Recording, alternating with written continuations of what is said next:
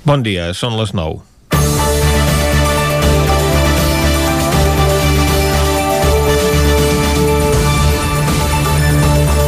El tauler d'escacs a la governabilitat del país està molt mogut després de les últimes desavinences entre Esquerra Republicana i Junts per Catalunya que aboquen el país a unes noves eleccions. Tan crítica és la situació que la CUP s'ha erigit en àrbitre de la confrontació. Sí, sí, estem parlant dels titllats d'antisistema, filocomunistes i tota mena d'atrocitats per part de la caverna mediàtica espanyola que ara no es fa ressò d'aquestes negociacions en què la CUP és qui ha de posar seny a la banda independentista de la política catalana. De la trobada que ahir va convocar els anticapitalistes al Parlament en va sortir un pacte de mínims per mirar de desencallar la situació i establir una línia estratègica. Però l'acord entre els dos partits majoritaris encara es veu lluny tres mesos després de les eleccions. Just després que el PSOE rebés una revolcada a les eleccions madrilenyes, Esquerra va donar per trencades les negociacions per formar un govern de coalició a Catalunya. La seva aposta passa ara per governar en solitari amb el suport dels comuns, però no té prou vots per investir Pere Aragonès com a president. Junts per Catalunya defensa un govern de coalició. Li costa haver de cedir el lideratge i se sent defraudada com a segona força independentista més votada perquè els republicans arribessin abans a un acord amb la CUP. Jordi Sánchez va dir que no seria un obstacle per la investidura d'Aragonès perquè no especularien amb la repetició de les eleccions. Però ara posen preu al suport dels quatre diputats de Junts que aquest necessita per ser president. Un article a la premsa d'Oriol Junqueras que ha generat molts dubtes sobre quina és l'estratègia independentista a seguir i les darreres declaracions dels principals ariets que el partit ha tingut a Madrid, Joan Tardà i Gabriel Rufián, no faciliten l'entesa. En una jornada de missatges creuats, Pedro Sánchez també va emergir per instar els republicans a facilitar un govern d'esquerres liderat pel guanyador de les eleccions, Salvador Illa. De moment, l'únic diàleg, l'únic diàleg que sembla que torna és a tres bandes entre els tres partits independentistes i una voluntat de mantenir una coordinació estratègica. El paper que hauria de tenir en aquest sentit el Consell de la República és un dels punts de conflicte entre Junts i Esquerra que no vol la tutela d'un organisme impulsat per Carles Puigdemont. De forma coincident a aquesta reunió, a les mateixes portes del Parlament, l'Assemblea Nacional Catalana havia convocat un acte per mostrar el seu posicionament davant de la falta d'acord per formar govern. La seva presidenta, Elisenda Pelosia, va revelar que havien mantingut reunions per mirar d'arribar a un acord entre les dues parts i en veure que això no és possible, ha convocat una concentració de protesta aquest diumenge al matí davant del Palau de la Generalitat. També Jordi Cuixart va intervenir ahir a l'Hospitalet en un acte d'Òmnium per demanar que es mantingui una estratègia compartida. Compte perquè la parròquia comença a estar fins als nassos del tacticisme polític ara que s'havia aconseguit una majoria de vot independentista i activar la repetició de les eleccions és una bomba de rellotgeria. Comencem Territori 17, a la sintonia del 9 FM, la veu de Sant Joan, Ona Codinenca, Ràdio Cardedeu i el 9 TV. Territori 17, amb Vicenç Vigues i Jordi Sunyer. Són les 9 i 3 minuts i mig del dijous, dia 13 de maig de 2021. Comença aquí un nou Territori 17 que, com sempre, durant la primera hora us acostarà tota l'actualitat de les nostres comarques. Després, a partir de les 10, més informació, entrevista. Avui anirem al cinema amb la Núria Lázaro. Recuperarem la secció de paraules i curiositats del català amb Cristina Enfruns. Avui, per cert, escoltarem l'emportada sopa de cabra i l'analitzarem per saber què s'hi cou a dins d'aquesta cançó. I avui acabarem al punt de les 12 del migdia amb el racó de pensar amb Maria López. Tot això i moltes coses més les farem des d'ara mateix i això fins a les 12 del migdia i com sempre el que toca ara és arrencar tot fent un repàs a l'actualitat de casa nostra, l'actualitat de les comarques del Ripollès, Osona, el Moianès i el Vallès Oriental.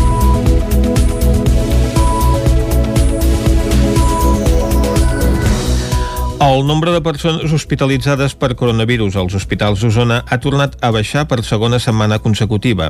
Les dades d'aquests dies conviden a l'optimisme, ja que no se'n registraven de similars des de finals de setembre de l'any passat. Des de dimecres passat, segons el Consorci Hospitalari de Vic, s'han produït 15 nous ingressos i en total d'hospitalitzats per Covid-19 és ara de 30 persones, quan la setmana passada eren 52. A l'Hospital Universitari hi ha 25 hospitalitzats per coronavirus, 7 dels quals a l'UCI, a l'Hospital de la Santa Creu de Vic. Hi ha 4 pacients amb resultat positiu i a l'Hospital Sant Jaume de Manlleu n'hi ha un. Segons les dades del Departament de Salut, en els últims 7 dies s'han notificat 190 casos nous de coronavirus casos que fan pujar el nombre de positius a Osona des de l'inici de la pandèmia per sobre dels 19.000. El nombre total de defuncions és de 670. Gairebé 4.700 persones han rebut la primera dosi de la vacuna la darrera setmana i el total d'immunitzats amb una dosi s'acosta ja als 45.500. Més de 20.100 persones han rebut ja la segona dosi. El Palau d'Esports de Granollers serà un punt de vacunació massiva a partir de l'1 de juny, on s'hi administraran fins a 4.000 vacunes diàries. L'espai donarà cobertura a la població de la regió sanitària metropolitana nord. David Auladell, de Ràdio Televisió, Cardedeu. Segons ha informat l'Ajuntament, aquest espai obrirà sempre que hi hagi disponibilitat de vacunes i complementarà l'estratègia actual de vacunació, ara repartida en els punts centralitzats i els equips d'atenció primària.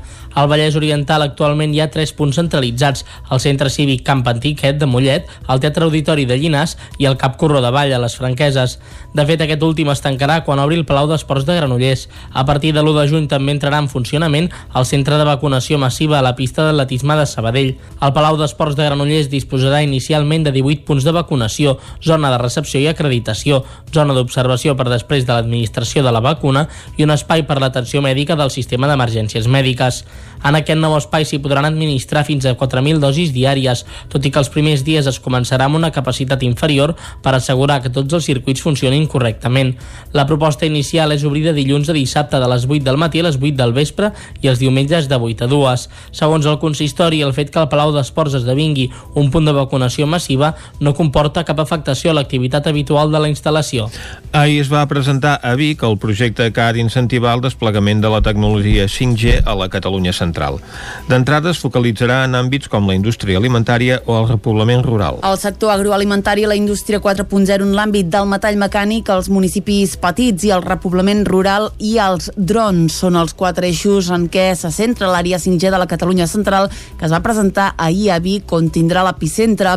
El projecte engloba Osona, el Moianès, el Berguedà i el Bages. A través de formacions i sessions de treball amb agents públics i privats del territori es volen fer aflorar projectes que alhora serveixin per accelerar la implantació de la tecnologia 5G en aquestes comarques. Eduard Martín és el director de 5G de Mobile World Capital Barcelona.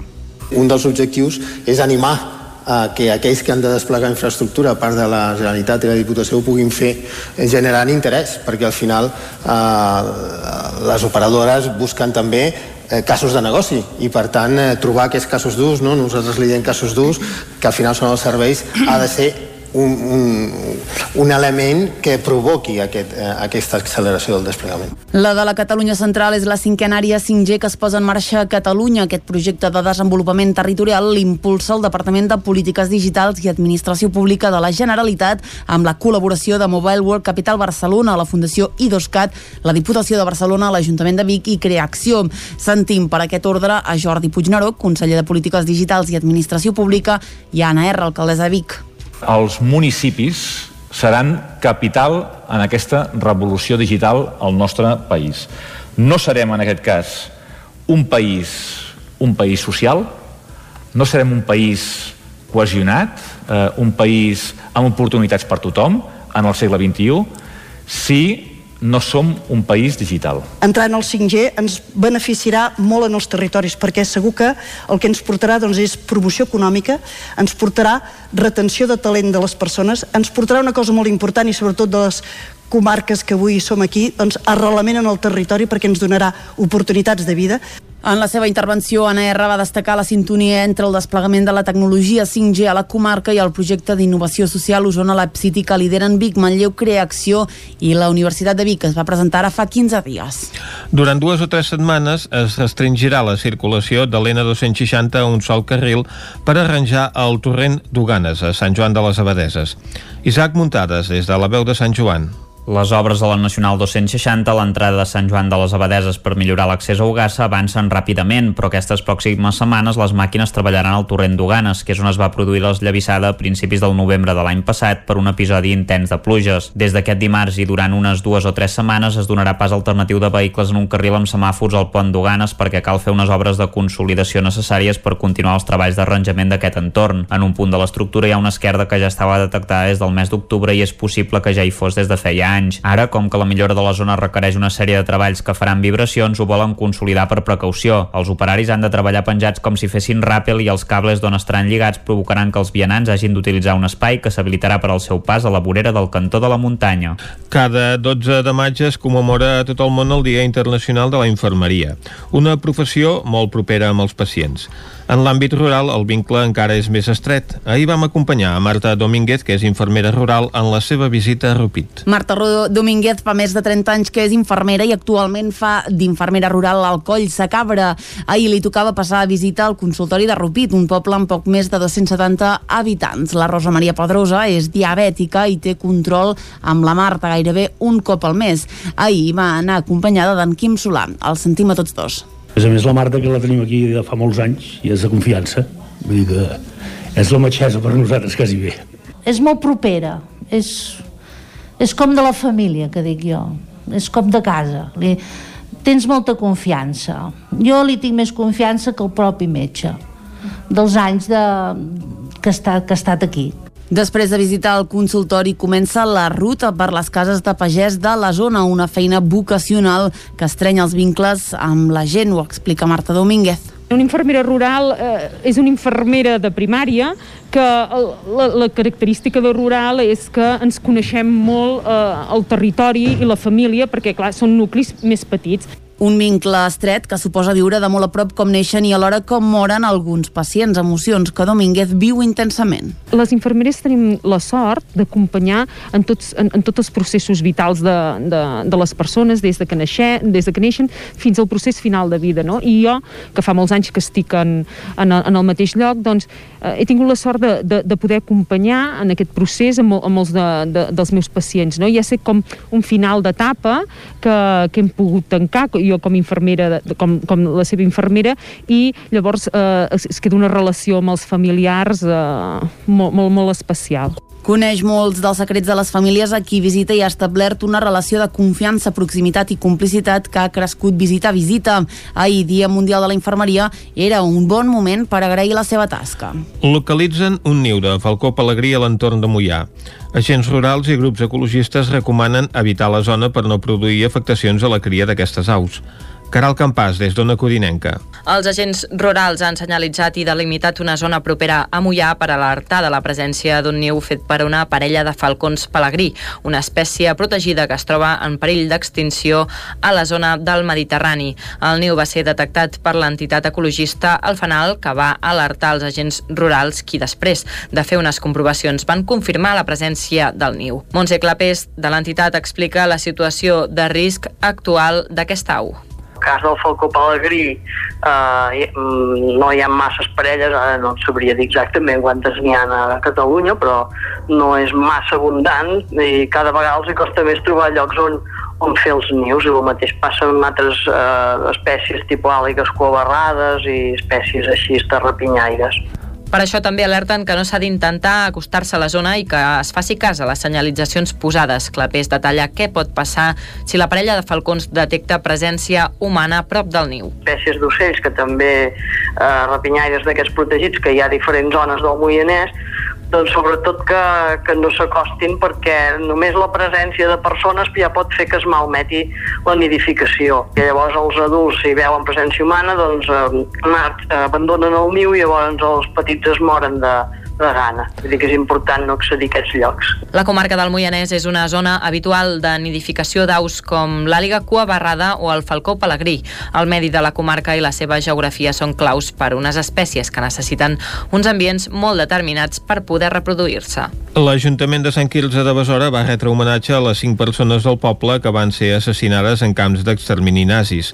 L'acte el va organitzar la secció local d'Esquerra Republicana. El pare de l'Ester Olea, en Mariano, va haver de marxar França quan va acabar la Guerra Civil.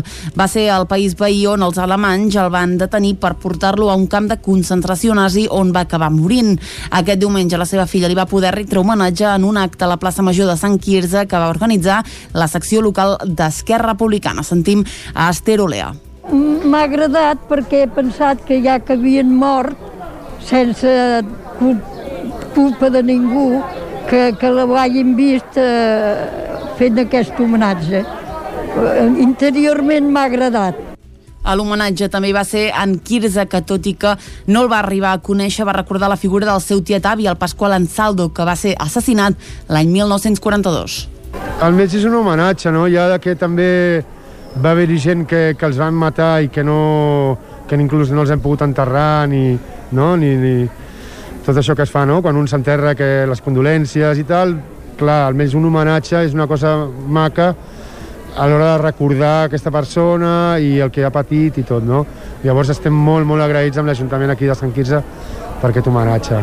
Ara fa 3 anys, l'Ajuntament de Sant Quirze de Besora va aprovar una moció d'Esquerra Republicana per instal·lar els llambordins Stolperstein a la plaça per recordar les 5 persones del poble que van ser assassinades en camps d'extermini. I fins aquí el butlletí informatiu que us hem ofert amb Vicenç Vigues, Clàudia Dinarès, David Auladell, Caral Campàs i Isaac Muntades. Ara el que ens toca és parlar del temps.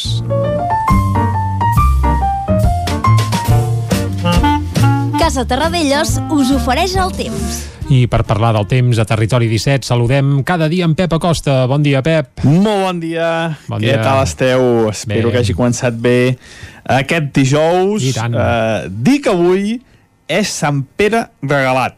I Mhm. es veu que diu el refrany que si avui plou hi han 40 dies de ruixats. Uh, Carai. No sé si és veritat, Uh, igual s'ho han inventat Mm, clar, que uh, s'ha de pensar una cosa eh? uh, ens inventem coses les persones ens inventem coses igual és un refrany inventat i que no té cap base científica o vés a saber eh?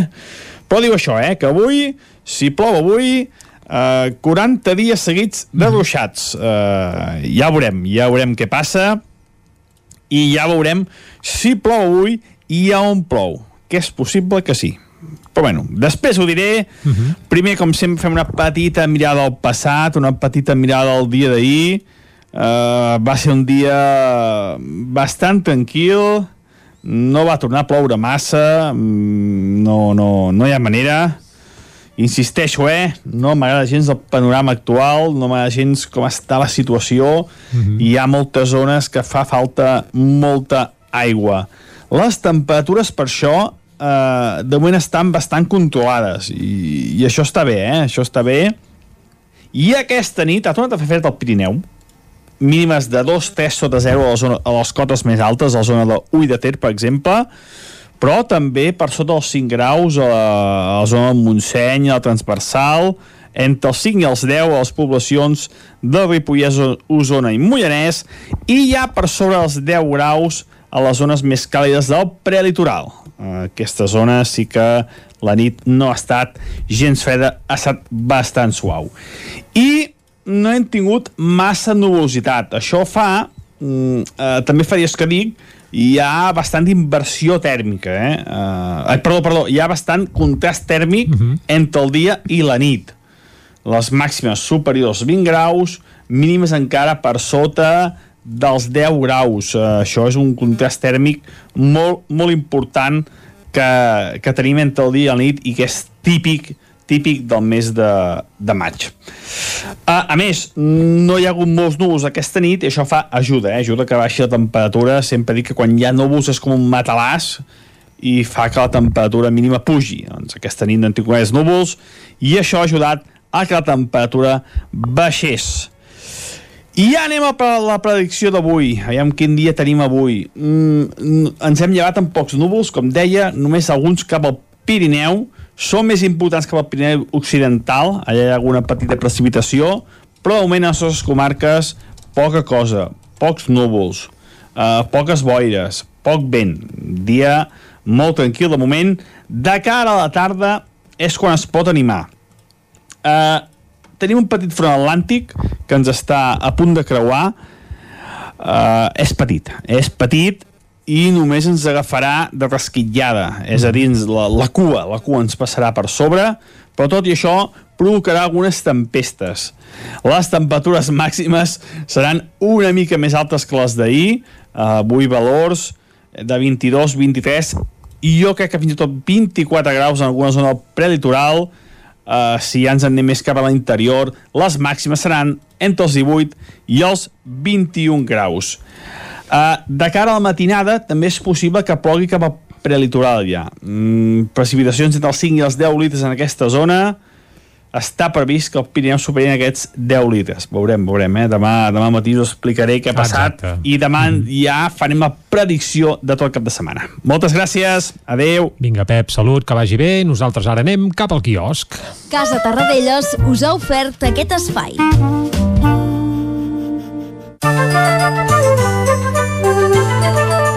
Comencem el recorregut per les portades dels diaris. Avui eh, comencem aquest eh, recorregut amb el 9-9 del Vallès Oriental, que avança la seva edició amb motiu de la celebració de la festivitat de l'Ascensió en diversos pobles d'aquesta comarca.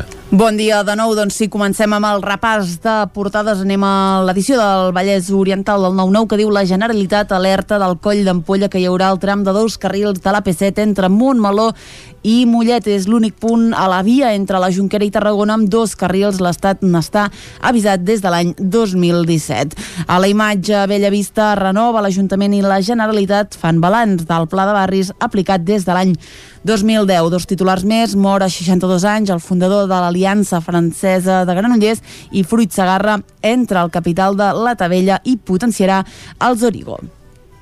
Anem a veure què diuen els diaris catalans. Anem al punt avui que diu acord de mínims. La CUP arrenca d'Esquerra i Junts per Catalunya la promesa d'intentar desfer el bloqueig. Signen un acord elemental per provar d'evitar la repetició d'eleccions i es comprometen a assolir un espai pel debat estratègic més enllà del govern. A la imatge pressió de les entitats sobiranistes, l'ANC i Òmnium fan una crida a la unitat dels partits independentistes. Familiars de les residències d'avis, canviem de tema, exigeixen poder aclarir les morts i l'escalada de la violència situa Israel i Gaza a les portes d'una guerra. Anem al diari ara que diu Esquerra i Junts es donen una nova oportunitat. La CUP fa que Republicans i Junts es tornin a seure i reprenguin la negociació per evitar eleccions. A la imatge hi veiem a Rafael Tous, diu la donació d'art més generosa. Un titular que veurem repetit en diferents portades, noves quotes d'autònoms de 90 a 1.220 euros i més morts a Gaza i xocs entre jueus i palestins a Israel.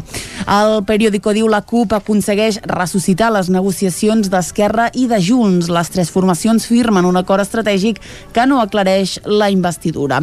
A la imatge, la infermeria no és només punxar sis professionals units per vincles familiars reivindiquen el seu paper amb motiu del Dia Internacional del Gremi. La pandèmia, diu, ha realçat el seu valor, però la precarietat persisteix. El govern preveu que els autònoms, com veiem, paguin de 90 a 1.220 euros al mes i els exàmens finals de les universitats seran presencials. Acabem amb l'avantguàrdia que diu Lleure nocturn i estadis preparen la reobertura amb la pandèmia a la baixa. El Procicat aprova un pla sense data per reobrir les discoteques i Sanitat autoritza la tornada del públic a la Lliga i ACB només en regions amb pocs contagis. Desenes de morts en l'escalada bèl·lica entre Israel i Hamas i Pablo Iglesias alerta es talla la cua després d'abandonar la política. Acabem amb les portades als diaris de Madrid. Anem al país que diu la mortalitat per Covid cau un 90% a l'avançar la vacunació, la immunització i les restriccions rebaixen les morts des del mes de gener. Casado retreu a Sánchez els, els 20.000 morts més que calcula que hi haurà i els experts de l'OMS conclouen que la catàstrofe sanitària es podria haver evitat. Un titular que tornarem a veure a l'ABC. D'entrada a la imatge, Francisco Brines rep a casa el Premi Cervantes. Anem al Mundo que diu Sánchez projecta dos anys de confrontació amb Madrid. Dissenya una estratègia de pressió contra Ayuso per intentar donar un gir electoral de cara al 2023. A la imatge diu doblegarem el Covid i doblegarem a Hamas. Tel Aviv, que fa uns dies celebrava passejar-se sense mascareta, pateix el pitjor atac des de l'any 2014 i el xoc d'escrivar i els empresaris fa perillar la reforma de les pensions. A la Razón, Sánchez vol un debat sobre l'estat de l'emoció. A la imatge escenari de la guerra a Israel, Pablo Iglesias, Pablo enterra Iglesias, perdoneu, diu l'ex-líder de Podemos, es talla la seva simbòlica cua com a part de la seva nova etapa fora de la política. I Sanitat té emmagatzemades més d'un milió de vacunes d'AstraZeneca. Acabem, com sempre, amb l'ABC, que diu eh, bueno, treu l'informe aquest de, del panell d'experts independents de la OMS que diuen que la pandèmia es podria haver evitat. Asseguren que la situació catastròfica actual es deu a una gran quantitat de fallos i de retards en l'alerta i la resposta davant de la Covid. També hi trobem aquest titular que hem vist repetir-se diferents portades. El govern proposa que els autònoms cotitzin entre 90 i 1.220 euros al mes. La situació política que es viu a Catalunya capitalitza les portades de la premsa del país, a excepció de La Vanguardia, que no es refereix a aquesta polèmica en la seva portada d'avui, tot i que ahir va ser un dia doncs, carregat d'actualitat en aquest àmbit, sobretot per aquesta reunió convocada per la CUP amb Esquerra i Junts per Catalunya i també per les intervencions dels presidents de l'ANC i d'Òmnium Cultural demanant un acord entre els partits independentistes. La Vanguardia dedica la seva portada a aquests atacs que està patint la franja de Gaza. També és una temàtica que apareix a una fotografia que capitalitza les portades de La Razón o de El Mundo. A l'ABC hi veiem la imatge d'una unitat de cures intensives amb aquesta resolució d'un informe d'experts que ha enviat a l'Organització Mundial de la Salut dient que la pandèmia s'hagués pogut evitar i una de les notícies curioses del dia i que veiem doncs només en portada de diaris de la dreta mediàtica com la Razón, El Mundo o La Vanguardia, que és l'anècdota del dia. Pablo Iglesias es talla la cua en la seva nova etapa vital després de deixar la política i aquest és doncs, motiu de fotografia de portada d'aquests eh, tres diaris d'avui. Hem fet aquest repàs a la premsa apareguda avui als quioscos, fent esment també a que avui avança la seva edició al 9-9 del Vallès Oriental i ara nosaltres el que farem és una pausa i tornarem tot seguit. Bé, esperant que no li passi com a Samsó, a Pablo Iglesias. Va, 3 minuts i tornem aquí a Territori 17. El nou FM, la ràdio de casa, al 92.8. Automòbils Pla de Vall. Som una empresa familiar amb 36 anys d'experiència en la compra-venda de cotxes nous, seminous i d'ocasió. Els nostres vehicles són completament revisats abans de la seva entrega al client, amb els manteniments al dia i amb garantia personalitzada. Finançament a mida del client. Vine a Automòbils Pla de Vall i t'assessorarem. Som a la carretera de la Guixa, número 1719 de Vic. La Cakery. Pastissos personalitzats, galetes, cookies, brownies i molt més. Ens trobaràs a Vic, al carrer de Gurb 34 Baixos, al telèfon 93 886 70 51 i també a Instagram i Facebook. Cocodril Club. Si t'agrada la bona música dels anys 60, 70 i 80, escolta el 9 FM als matins de dissabtes i diumenges d'11 a 1. És el temps del Cocodril Club, tot un clàssic de la ràdio, amb les bases del pop-rock, les llegendes, les cançons que s'han convertit en autèntics himnes. Recorda, dissabtes i diumenges al matí, d'11 a 1, al 9 FM 92.8. Cocodril Club, el programa revival de l'Albert Malla. Hasta luego. Anuncia't al 9 FM. La màquina de casa. 9 3 8 8 9 4 9 4 9. Publicitat arroba al 9fm.cat. Anuncia't al 9FM. La publicitat més eficaç. Cada joia és un art. Joier J. Garcia, taller propi de joieria i rellotgeria. Joies úniques, peces artesanals, dissenys exclusius i personalitzats, rellotges, anells, braçalets i molt més. Joier J. Garcia. Ens trobaràs a la Rambla de Vallada 6 i a la carretera de la Guixa 10 de Vic i a Tona, al carrer Barcelona número 17. També a Instagram i a jgarciajoyer.com. Mudances a la carta. Som especialistes en muntatge i desmuntatge de mobles. Oferim servei de guardamobles i fem mudances a tot el territori. Trasllats de pianos i peces delicades i també fem embalatge i protegim. Mudances a la carta. Serveis adaptats a cada client. Ens trobaràs al telèfon 605 04 34 75. Can Xalant Moda i Complements. Nova temporada primavera-estiu. Moda home-dona, nen-nena, sabates, bosses de mà, maletes, complements i molt més. Vine a veure'ns, trobaràs una secció d'ofertes amb roba de la temporada passada a 10 euros i 19 euros. Vine a Can Xalant, ens trobaràs al carrer Sant Tomàs número 6 de Call d'Atenes. També a Instagram i Facebook.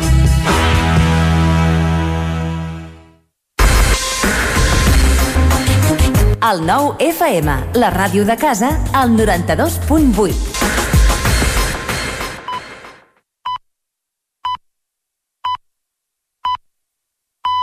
Territori 17, amb Vicenç Vigues i Jordi Sunyer.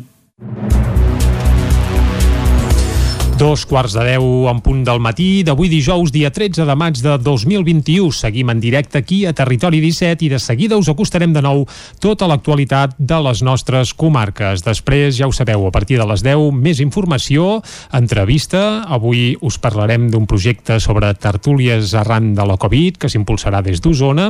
També parlarem de cinema perquè ens acompanyarà la Núria Lázaro. Som dijous, repassarem la cartellera del cap de setmana i també ens comentarà algun aspecte relacionat amb l'actualitat cinematogràfica. Tindrem la secció de paraules i curiositats del català amb Cristina Enfruns. Avui, atenció, analitzarem l'Empordà de Sopa de Cabra, aquesta setmana que el ven endins, el seu disc més emblemàtic compleix el 30è aniversari i acabarem al punt de les 12 del migdia amb el regó de pensar amb la Maria López. Ara el que toca, però, és acostar-vos de nou l'actualitat de casa nostra, l'actualitat de les comarques del Ripollès, Osona, el Moianès i el Vallès Oriental.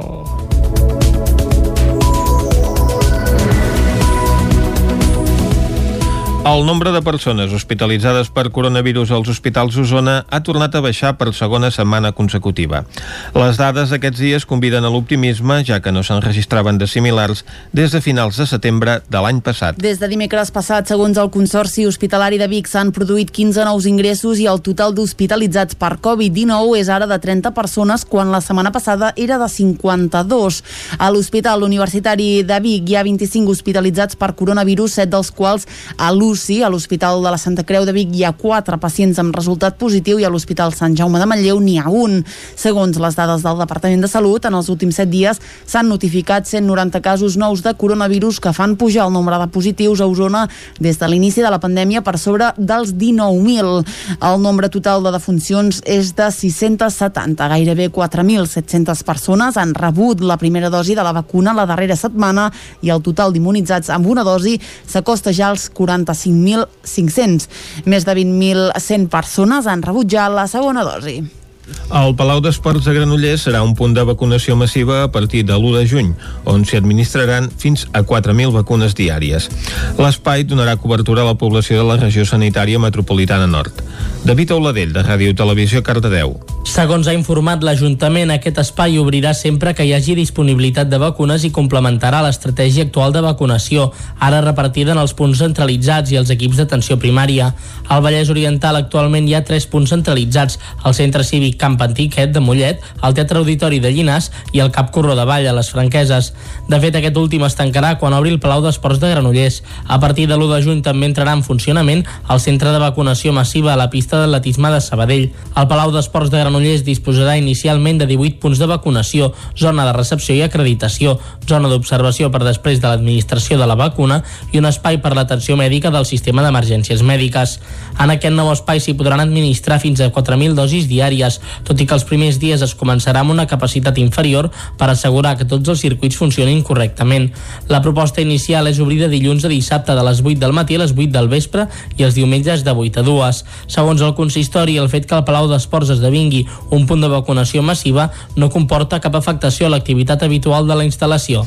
Ahir es va presentar a Vic el projecte que ha d'incentivar el desplegament de la tecnologia 5G a la Catalunya central. D'entrada es focalitzarà en àmbits com la indústria alimentària o el repoblament rural. El sector agroalimentari i la indústria 4.0 en l'àmbit del metall mecànic, els municipis petits i el repoblament rural i els drons són els quatre eixos en què se centra l'àrea 5G de la Catalunya central que es va presentar ahir a Vic on tindrà l'epicentre. El projecte engloba Osona, el Moianès, el Berguedà i el Bages a través de formacions i sessions de treball amb agents públics i privats del territori es volen fer aflorar projectes que alhora serveixin per accelerar la implantació de la tecnologia 5G en aquestes comarques. Eduard Martín és el director de 5G de Mobile World Capital Barcelona. Un dels objectius és animar a que aquells que han de desplegar infraestructura a part de la Generalitat i la Diputació ho puguin fer generant interès, perquè al final eh, les operadores busquen també eh, casos de negoci i per tant eh, trobar aquests casos d'ús, no? nosaltres li diem casos d'ús que al final són els serveis, ha de ser un, un, un element que provoqui aquest, eh, aquesta acceleració del desplegament. La de la Catalunya Central és la cinquena àrea 5G que es posa en marxa a Catalunya. Aquest projecte de desenvolupament territorial l'impulsa el Departament de Polítiques Digitals i Administració Pública de la Generalitat amb la col·laboració de Mobile World Capital Barcelona, la Fundació IDOSCAT, la Diputació de Barcelona, l'Ajuntament de Vic i Creacció. Sentim per aquest ordre a Jordi Puigneró, conseller de Polítiques Digitals i Administració Pública, i a Anna R, alcaldessa de Vic els municipis seran capital en aquesta revolució digital al nostre país. No serem en aquest cas un país, un país social, no serem un país cohesionat, eh, un país amb oportunitats per tothom en el segle XXI, si no som un país digital. Entrar en el 5G ens beneficiarà molt en els territoris perquè segur que el que ens portarà doncs, és promoció econòmica, ens portarà retenció de talent de les persones, ens portarà una cosa molt important i sobretot de les comarques que avui som aquí, doncs arrelament en el territori perquè ens donarà oportunitats de vida. En la seva intervenció, Anna R va destacar la sintonia entre el desplegament de la tecnologia 5G a la comarca i el projecte d'innovació social Osona Lab City que lideren Vic, Manlleu, Creacció i la Universitat de Vic, que es va presentar ara fa 15 dies. Durant dues o tres setmanes es restringirà la circulació de l'N260 a un sol carril per arranjar el torrent d'Uganes a Sant Joan de les Abadeses. Isaac Muntades, des de la veu de Sant Joan. Les obres de la Nacional 260 a l'entrada de Sant Joan de les Abadeses per millorar l'accés a Ugassa avancen ràpidament, però aquestes pròximes setmanes les màquines treballaran al torrent d'Uganes, que és on es va produir l'esllavissada a principis del novembre de l'any passat per un episodi intens de pluges. Des d'aquest dimarts i durant unes dues o tres setmanes es donarà pas alternatiu de vehicles en un carril amb semàfors al pont d'Uganes perquè cal fer unes obres de consolidació necessàries per continuar els treballs d'arranjament d'aquest entorn. En un punt de l'estructura hi ha una esquerda que ja estava detectada des del mes d'octubre i és possible que ja hi fos des de feia anys. Ara, com que la millora de la zona requereix una sèrie de treballs que faran vibracions, ho volen consolidar per precaució. Els operaris han de treballar penjats com si fessin ràpel i els cables d'on estaran lligats provocaran que els vianants hagin d'utilitzar un espai que s'habilitarà per al seu pas a la vorera del cantó de la muntanya. Cada 12 de maig es commemora a tot el món el Dia Internacional de la Infermeria, una professió molt propera amb els pacients. En l'àmbit rural, el vincle encara és més estret. Ahir vam acompanyar a Marta Domínguez, que és infermera rural, en la seva visita a Rupit. Marta Domínguez fa més de 30 anys que és infermera i actualment fa d'infermera rural al Coll Sacabra. Ahir li tocava passar a visitar el consultori de Rupit, un poble amb poc més de 270 habitants. La Rosa Maria Pedrosa és diabètica i té control amb la Marta gairebé un cop al mes. Ahir va anar acompanyada d'en Quim Solà. El sentim a tots dos. A més a més, la Marta, que la tenim aquí de fa molts anys, i és de confiança. Vull dir que és la metgessa per nosaltres, quasi bé. És molt propera, és, és com de la família, que dic jo. És com de casa. Li, tens molta confiança. Jo li tinc més confiança que el propi metge dels anys de, que, està, que ha estat aquí. Després de visitar el consultori comença la ruta per les cases de pagès de la zona, una feina vocacional que estrenya els vincles amb la gent, ho explica Marta Domínguez. Una infermera rural eh, és una infermera de primària que la, la característica de rural és que ens coneixem molt eh, el territori i la família perquè, clar, són nuclis més petits. Un vincle estret que suposa viure de molt a prop com neixen i alhora com moren alguns pacients, emocions que Domínguez viu intensament. Les infermeres tenim la sort d'acompanyar en, tots, en, en tots els processos vitals de, de, de les persones, des de, que neixer, des de que neixen fins al procés final de vida. No? I jo, que fa molts anys que estic en, en, en el mateix lloc, doncs, eh, he tingut la sort de, de, de poder acompanyar en aquest procés amb, amb els de, de, dels meus pacients. No? Ja sé com un final d'etapa que, que hem pogut tancar, jo com infermera, com, com la seva infermera, i llavors eh, es, es queda una relació amb els familiars eh, molt, molt, molt especial. Coneix molts dels secrets de les famílies a qui visita i ha establert una relació de confiança, proximitat i complicitat que ha crescut visita a visita. Ahir, Dia Mundial de la Infermeria, era un bon moment per agrair la seva tasca. Localitzen un niu de falcó pelegrí a l'entorn de Mollà. Agents rurals i grups ecologistes recomanen evitar la zona per no produir afectacions a la cria d'aquestes aus.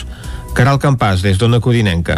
Els agents rurals han senyalitzat i delimitat una zona propera a Mollà per alertar de la presència d'un niu fet per una parella de falcons pelegrí, una espècie protegida que es troba en perill d'extinció a la zona del Mediterrani.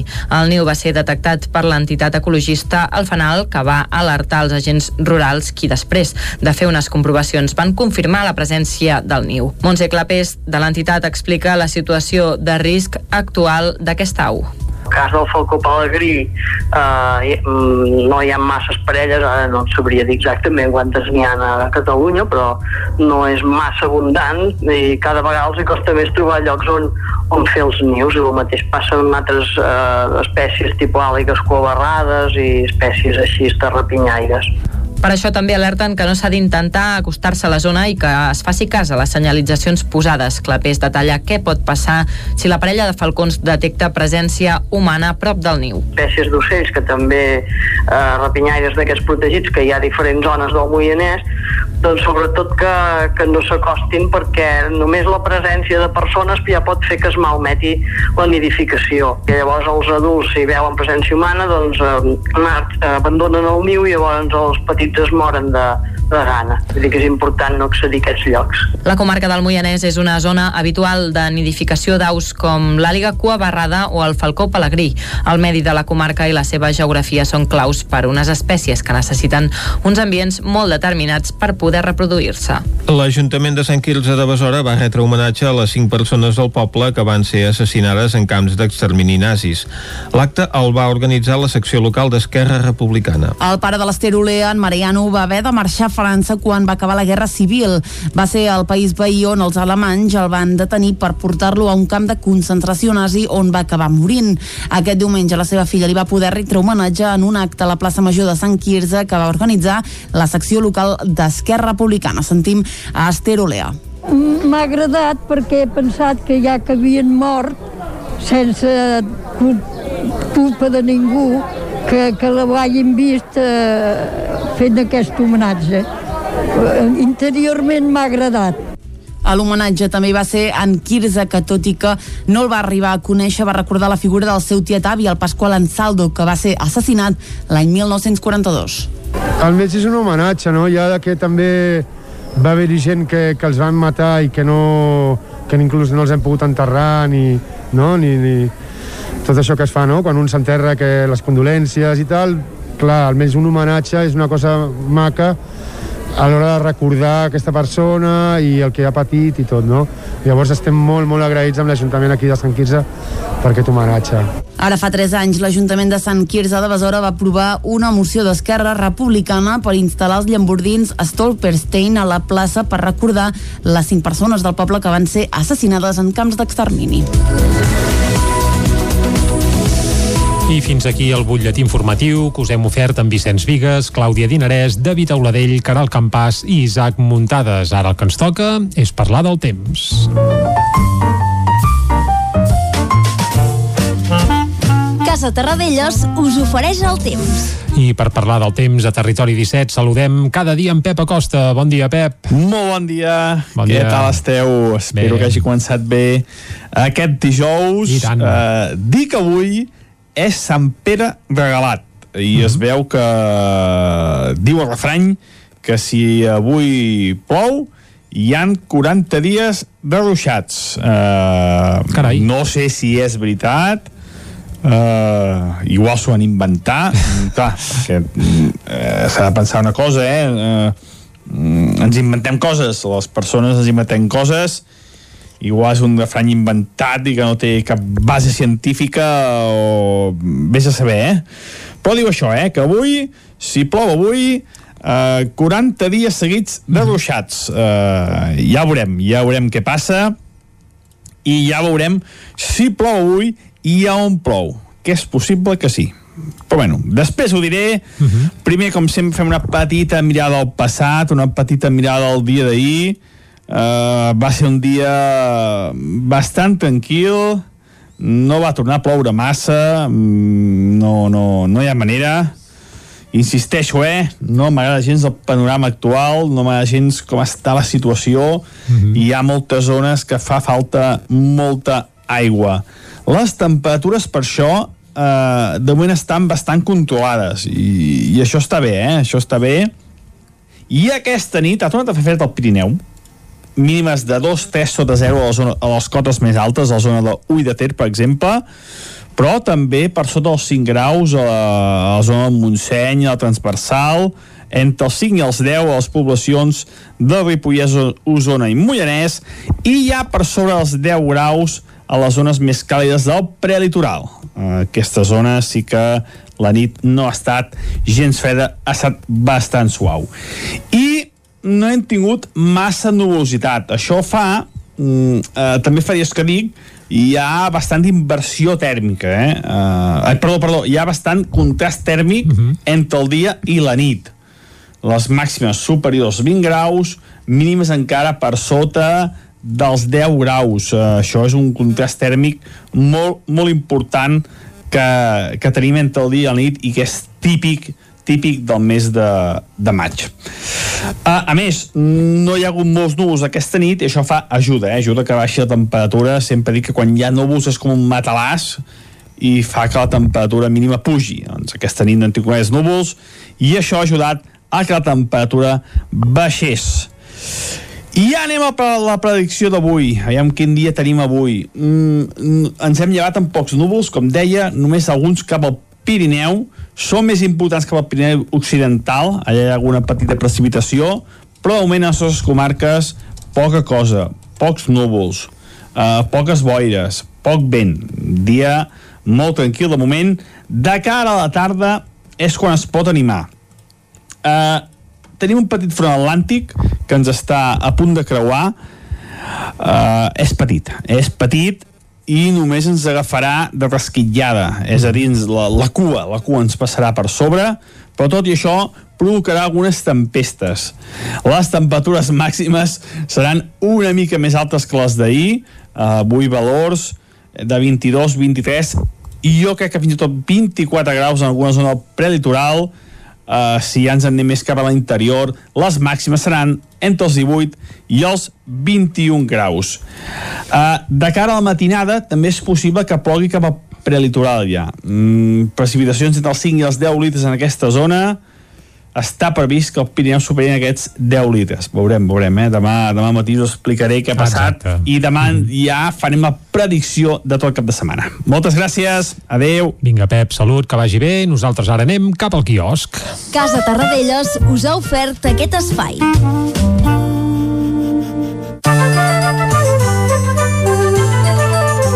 Comencem el recorregut per les portades dels diaris. Avui eh, comencem aquest recorregut amb el 9-9 del Vallès Oriental, que avança la seva edició amb motiu de la celebració de la festivitat de l'Ascensió en diversos pobles d'aquesta comarca. Bon dia de nou, doncs sí, comencem amb el repàs de portades. Anem a l'edició del Vallès Oriental del 9-9 que diu la Generalitat alerta del coll d'ampolla que hi haurà el tram de dos carrils de l'AP7 entre Montmeló i Mollet. És l'únic punt a la via entre la Junquera i Tarragona amb dos carrils L'Estat n'està avisat des de l'any 2017.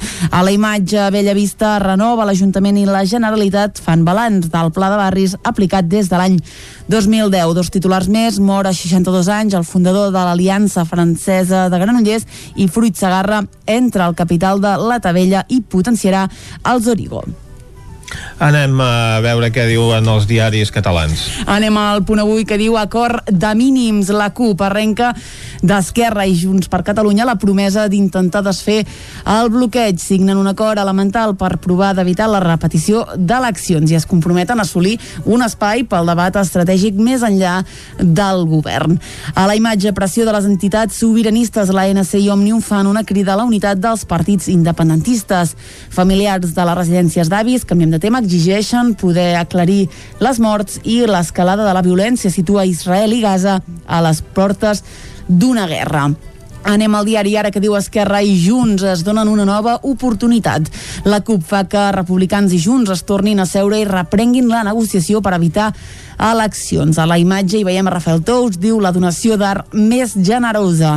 Un titular que veurem repetit en diferents portades, noves quotes d'autònoms de 90 a 1.220 euros i més morts a Gaza i xocs entre jueus i palestins a Israel.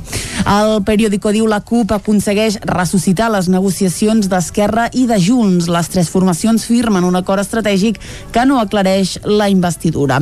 A la imatge, la infermeria no és només punxar, sis professionals units per vincles familiars reivindiquen el seu paper amb motiu del Dia Internacional del Gremi.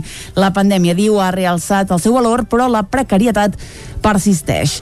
El govern preveu que els autònoms, com veiem, paguin de 90 a 1.220 euros al mes i els exàmens finals de les universitats seran presencials.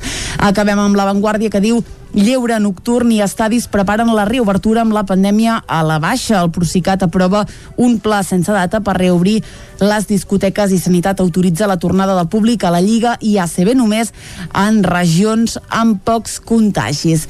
Desenes de morts en l'escalada bèl·lica entre Israel i Hamas i Pablo Iglesias alerta es talla la cua després d'abandonar la política. Acabem amb les portades als diaris de Madrid. Anem al país que diu la mortalitat per Covid cau un 90% a l'avançar la vacunació, la immunització i les restriccions rebaixen les morts des del mes de gener. Casado retreu a Sánchez els, els 20.000 morts més que calcula que hi haurà i els experts de l'OMS conclouen que la catàstrofe sanitària es podria haver evitat. Un titular que tornarem a veure a l'ABC. D'entrada la imatge, Francisco Brines rep a casa el Premi Cervantes.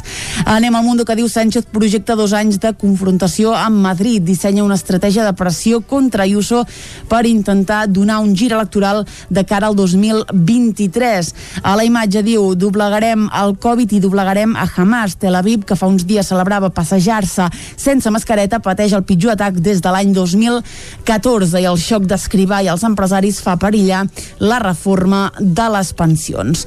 A la Razón, Sánchez vol un debat sobre l'estat de l'emoció. A la imatge escenari de la guerra a Israel, Pablo Iglesias, ente Pablo enterra Iglesias, perdoneu, diu l'exlíder de Podemos, es talla la seva simbòlica cua com a part de la seva nova etapa fora de la política. I Sanitat té emmagatzemades més d'un milió de vacunes d'AstraZeneca. Acabem, com sempre, amb l'ABC, que diu... Eh, bueno, treu l'informe aquest de, del panell d'experts independents de la OMS que diuen que la pandèmia es podria haver evitat. Asseguren que la situació catastròfica actual es deu a una gran quantitat de fallos i de retards en l'alerta i la resposta davant de la Covid. També hi trobem aquest titular que hem vist repetir-se diferents portades. El govern proposa que els autònoms cotitzin entre 90 i 1.220 euros al mes. La situació política que es viu a Catalunya capitalitza les portades a la premsa del país, a excepció de l'avantguàrdia, que no es refereix a aquesta polèmica en la seva portada d'avui, tot i que ahir va ser un dia doncs, carregat d'actualitat en aquest àmbit, sobretot per aquesta reunió convocada per la CUP amb Esquerra i Junts per Catalunya i també per les intervencions dels presidents de l'ANC i d'Òmnium Cultural demanant un acord entre els partits independentistes. La Vanguardia dedica la seva portada a aquests atacs que està patint la franja de Gaza. També és una temàtica que apareix a una fotografia que capitalitza les portades de La Razón o de El Mundo a l'ABC hi veiem la imatge d'una unitat de cures intensives amb aquesta resolució d'un informe d'experts que ha enviat a l'Organització Mundial de la Salut dient que la pandèmia s'hagués pogut evitar. I una de les notícies curioses del dia i que veiem doncs només en portada de diaris de la dreta mediàtica com la Razón, El Mundo o La Vanguardia, que és l'anècdota del dia. Pablo Iglesias es talla la cua en la seva nova etapa vital després de deixar la política i aquest és doncs, motiu de fotografia de portada d'aquests eh, tres diaris d'avui. Hem fet aquest repàs a la premsa apareguda avui als quioscos, fent esment també que avui avança la seva edició al 9-9 del Vallès Oriental. Exacte, això sí que ho hem deixat clar, Vicenç, i és que el 9-9 del Vallès Oriental, edició verda, surt avui, eh?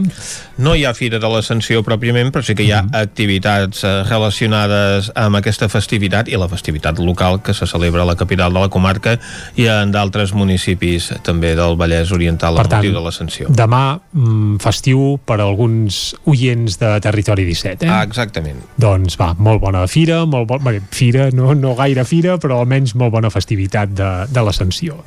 I, ostres, m'ha deixat tocat això del Pablo Iglesias, no ho sabia jo que s'havia tallat la cua, eh? Doncs sí, sí, el, els diaris espanyols s'ho agafen això com, com, bé, com si fos doncs, una cursa de braus i eh, allò que passa quan el sí, la, torero la, doncs, eh, aconsegueix el seu objectiu amb escreix, no? Bé, si només s'ha tallat la cua capilar tard, doncs ja ja està bé. Mm -hmm. uh, però deixem-ho aquí, va, no farem... Espero que no s'encomani, si més no. Uh, fet aquest apunt, anem ara a parlar de música, sempre ho fem a la darrera hora de Territori 17, i avui i també demà escoltarem propostes lligades a l'Encanta. Què és l'Encanta? Doncs és un festival de cantautors i cantautors de petit format que precisament arrenca avui a Roda de Ter.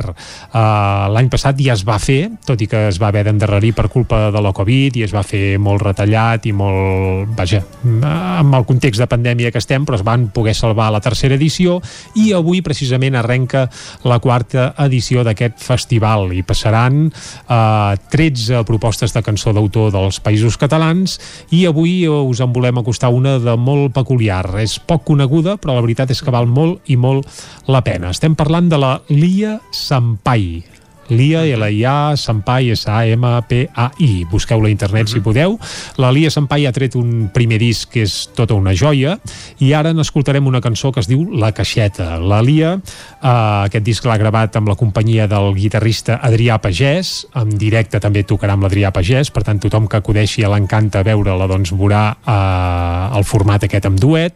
Per cert, eh, dissabte a un quart de sis de la tarda a la Casa Cultural 1 d'octubre serà el lloc on actuarà la Lia Sampai. Cal dir que aquest festival es fa a diferents indrets del municipi, amb escenaris com el Museu de l'Esquerda, eh, com a, això, com la Casa Cultural 1 d'octubre, eh, diferents, diferents escenaris i tots tenen alguna singularitat especial, eh? Doncs si voleu anar a veure la Lia Sampai serà dissabte, un quart de sis, a la Casa Cultural 1 d'octubre. Cal eh, adquirir entrades jo aconsello que prèviament i amb temps, perquè la veritat és que tenint en compte que els aforaments són el 50%, doncs hi ha alguna proposta ja que està complerta. Per tant, si podeu, traieu el cap en canta uh, internàuticament, que va, res val més de 10 euros, per tant són pràcticament uh, regals. I a més per descobrir propostes molt i molt interessants de la cançó d'autor a Catalunya, que darrere, darrerament semblava dir, ostres, amb cançó d'autor es fa gaire res, no sé què, doncs sí, es fan coses molt i molt interessants i la majoria d'elles amb veus femenines.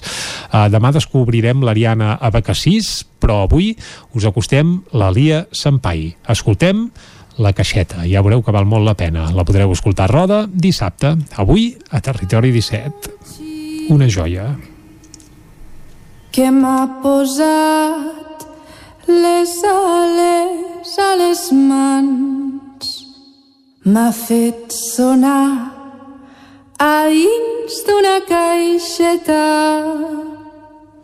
i m'ha guardat les vostres melodies i ha fet néixer esta cançó que no la tens a dins la caixa, que la tinc a dins del cor. No cal que toques la guitarra, esta te la canto jo. A tu que m'escoltes i em fas sonar, a tu que sones i em fas cantar, a tu que cantes al meu costat, a tu te canto a tu. I hem obert una altra via per on vull caminar. Tinc les mans on les volia estar, puc arribar. S'ha desfet la llunyania de que no em podreu sentir. Tinc les mans on les volia i a trossos tinc en mi. Hi ha un xic que m'ha posat les ales a les mans, difuminant tota la llunyania de tota l'esperança amarga que no em podreu sentir que tinc les ales a les mans que toco l'aire i miro dalt i tu la fusta de la terra i tu la terra dels meus anys. A tu que m'escoltes i em fas sonar a tu que sones i em fas cantar a tu que cantes al meu costat a tu te canto a tu i hem obert una altra via per on vull caminar. Tinc les mans on les volia estar, puc arribar. S'ha desfet la llunyania de que no podreu sentir. Tinc les mans on les volia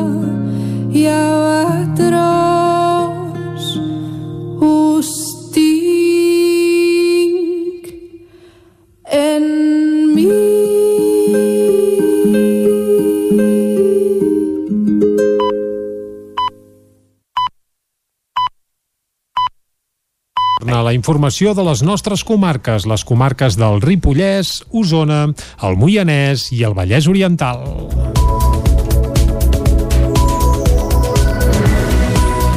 Un sindicat de la policia denuncia la revista La Tira del Ripollès per posar forces d'ocupació espanyoles a la llista de telèfons. Isaac Muntades, des de la veu de Sant Joan. Polèmica surrealista en què s'ha vist envoltada la revista Ripollès a la tira, que ha estat denunciada pel Sindicat Unificat de la Policia perquè a la pàgina 48 de l'apartat Serveis del seu darrer número, el 259, ha descrit la caserna de la Guàrdia Civil on actualment la Policia Nacional expedeix DNIs, situada a la carretera de Molló C38, com a forces d'ocupació espanyola just abans de posar el telèfon de la caserna policial. A través de les xarxes socials, la tira aquest dilluns deia que les coses s'havien de dir tal com són i que la Guàrdia Civil i la Gendarmeria francesa són forces d'ocupació i que aquest comentari no és xenòfob, ni d'odi, ni paranoia, ni supremacisme. La revista contestava una piulada d'un usuari de Twitter que els acusava de tot això i els hi retreia haver-se dirigit a la policia espanyola amb aquestes paraules. El SUP ha afirmat que la tira compara la Policia Nacional i la Guàrdia Civil amb les forces d'ocupació de l'Alemanya nazi durant la Segona Guerra Mundial i que han comès una injúria greu de caràcter escrit cap a les forces i cossos de seguretat de l'estat espanyol. El sindicat policial també ha denunciat el director de la revista per fomentar un presumpte delicte d'odi cap als cossos policials espanyols que no pot emparar-se en la llibertat d'expressió perquè incita l'odi. La Tira és una revista gratuïta que barreja notícies, articles d'opinió, però sobretot dona informació de servei, cultural i entreteniment a tota la comarca del Ripollès i té una tirada d'uns 7.000 exemplars mensuals. La policia local de Manlleu vol apropar-se més a la ciutadania i millorar la seva eficiència. I és per això que ha estrenat un vehicle elèctric molt polivalent. Es tracta d'una furgoneta equipada per poder treballar en el mateix punt d'un incident, ja sigui un accident o un control, ho detalla Moisès Jimeno, sergent de la policia local de Manlleu. És una furgoneta de nova adquisició, que és una oficina mòbil. Val? Ens permetrà fer controls d'alcoholèmia, eh, investigació d'accidents de trànsit en el lloc de l'accident, en el moment en què es produeix l'accident, i també doncs, eh, el, el portón portàtil ens permetrà agafar denúncies en persones de mobilitat reduïda persones que no poden venir a la comissaria i per tant que ens podem desplaçar eh, al seu domicili a agafar la denúncia. No? El vehicle, que és elèctric, està equipat amb el material essencial per muntar un control d'alcoholèmia o drogues i alhora una part d'oficina per poder-hi treballar. Nau Rovira és el regidor de Seguretat Ciutadana de Manlleu. com han comentat el sergent, aquest vehicle servirà sobretot també per fer que són controls d'alcoholèmia per tant podrem doncs, augmentar la nostra presència al carrer pels controls d'alcoholèmia. El nostre model aposta per la proximitat, eh, intentem ser tant com podem, ser tan propers com podem dintre el que el servei ens permet, dintre el que la, la nostra dimensió com a cosa ens permet i per tant la nostra aposta és aquesta, la proximitat, la rigorositat i, i sobretot el compromís amb la ciutadania, que és el que, és el que ens toca.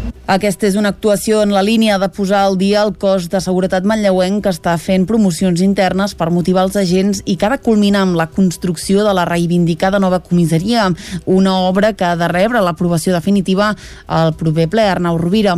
El projecte que hem fet l'hem fet doncs, demanant directament a la policia com volien aquesta comissaria. Per tant, és un projecte que neix des de la, des de la policia i, per tant, l'hem feta, o sigui, serà feta pràcticament a mida de les necessitats dels agents del segle XXI. Des del moment que es comenci a construir, en principi amb 12, 13, màxim 14 mesos, segons els arquitectes que han fet el projecte, ha d'estar feta la comissaria, perquè partim que quan es faci la base de formigó, aquí damunt, llavors mentre fan la base de formigó i fan els baixos, fan el soterrani, ja estaran construint la primera planta que serà feta a base d'estructura de serà de fusta. Ajuntament i policia també treballen en un projecte per posar càmeres a punts conflictius de la ciutat i remarquen que ha augmentat molt el treball conjunt amb Mossos d'Esquadra. L'Ajuntament de Cardedeu ha assolit el 94% dels indicadors del segell Infoparticipa 2020 de la Universitat Autònoma de Barcelona i ha estat reconegut amb el guardó a la transparència i la qualitat de la comunicació pública local. David Auladell, de Ràdio Televisió, Cardedeu.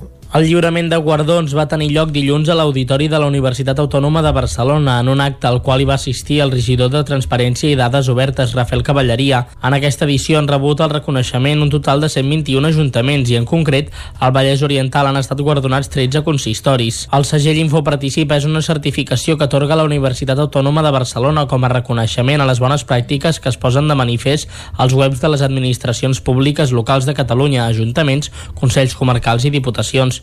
Enguany s'han definit els criteris en transparència i bones pràctiques de comunicació en base a l'avaluació d'un total de 52 indicadors, dels quals l'Ajuntament de Cardedeu ha aconseguit la valoració positiva en un percentatge del 94,23%.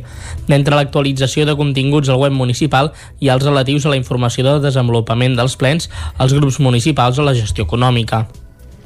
La Fundació Impulsa busca mentors per orientar els joves becats al Moianès el curs que ve. Caral Campàs, des d'Ona Codinenca.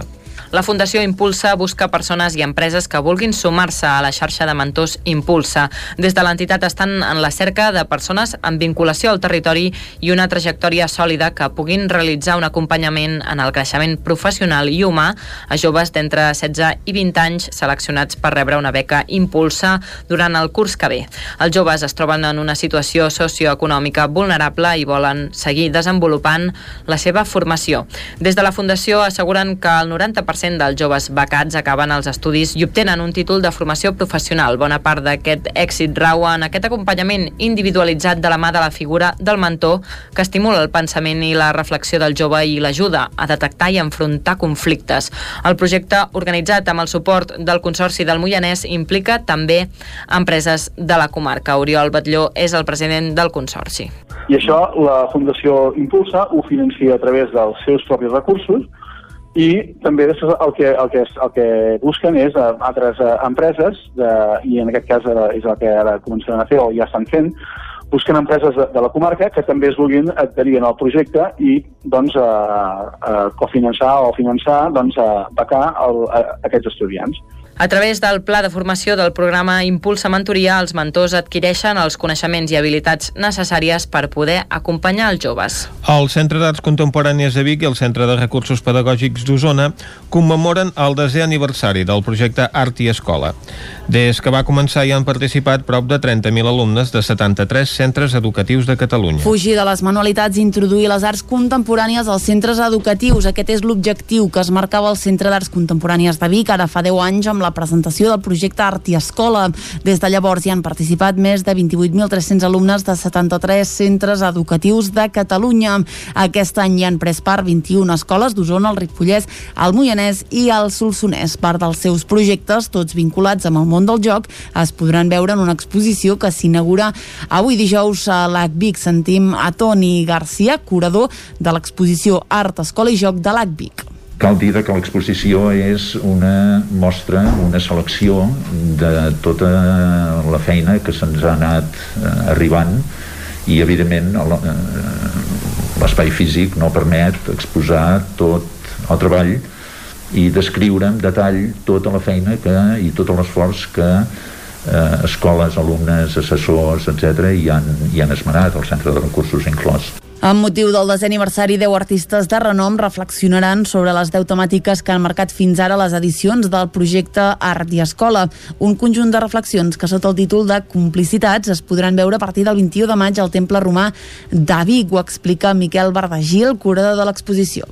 Una complicitat entre el que podríem dir els diferents estaments, els diferents nivells de l'art contemporani, com són artistes, com són gestors, com són eh, moltes diverses posicions al voltant del fenomen de la generació de l'art amb, per una altra banda, tot el que és el món de l'ensenyament, que és també doncs, eh, direcció, gestió, eh, professorat, alumnat, pares, Coincidint amb el desè aniversari també s'ha realitzat una publicació que recull la trajectòria del projecte llarg de les seves 10 edicions. Avui al vespre comença Roda de Ter al festival Encanta, dedicat a les propostes de cançó d'autor de petit format.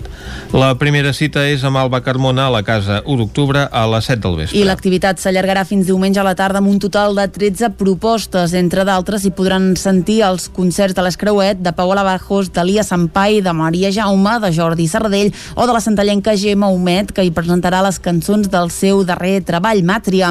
D'escenaris n'hi haurà quatre a la Casa 1 d'octubre, als Jardins de la Fundació Miquel Martí Pol, al Museu de l'Esquerda i el de Can Grau, al Camí de Malars.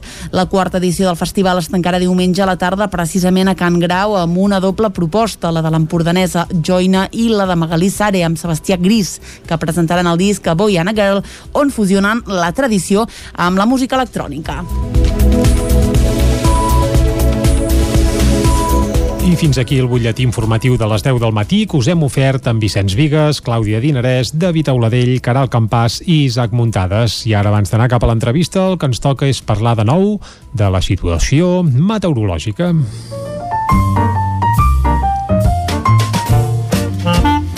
Casa Terradellos us ofereix el temps. I per parlar del temps, saludem altra vegada en Pep Acosta, que ja el tenim a punt, oi, Pep? Bon dia. Molt bon dia. Oh, bon Què dia. tal esteu? Bé, bé. Espero que hagi començat bé aquest dijous, dia molt tranquil de moment. De cara a la tarda és quan es pot animar.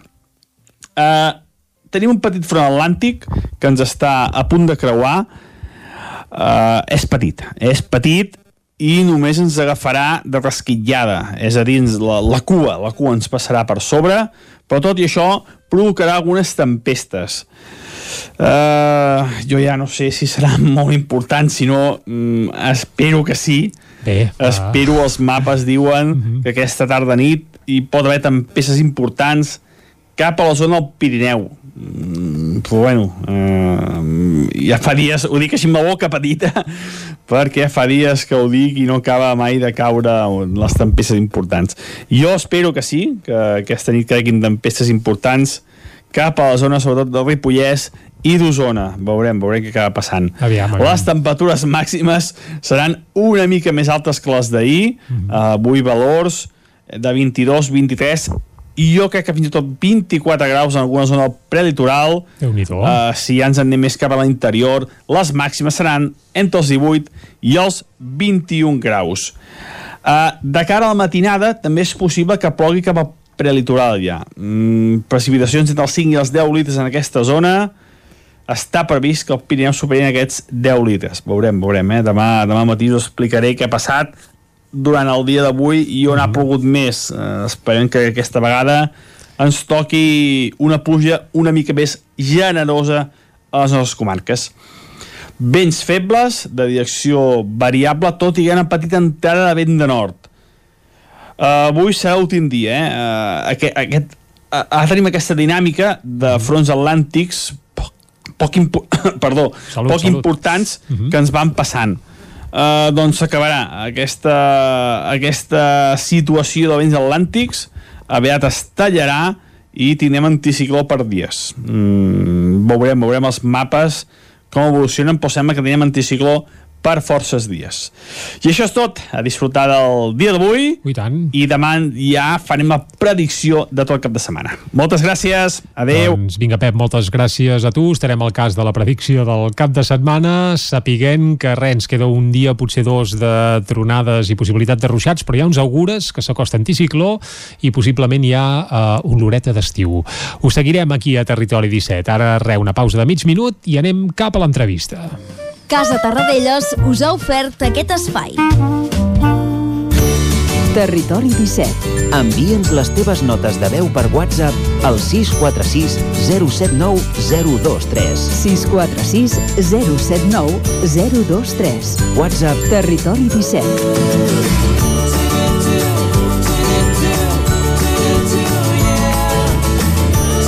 Territori 17. Som a Facebook, Twitter i Instagram amb l'usuari Territori 17.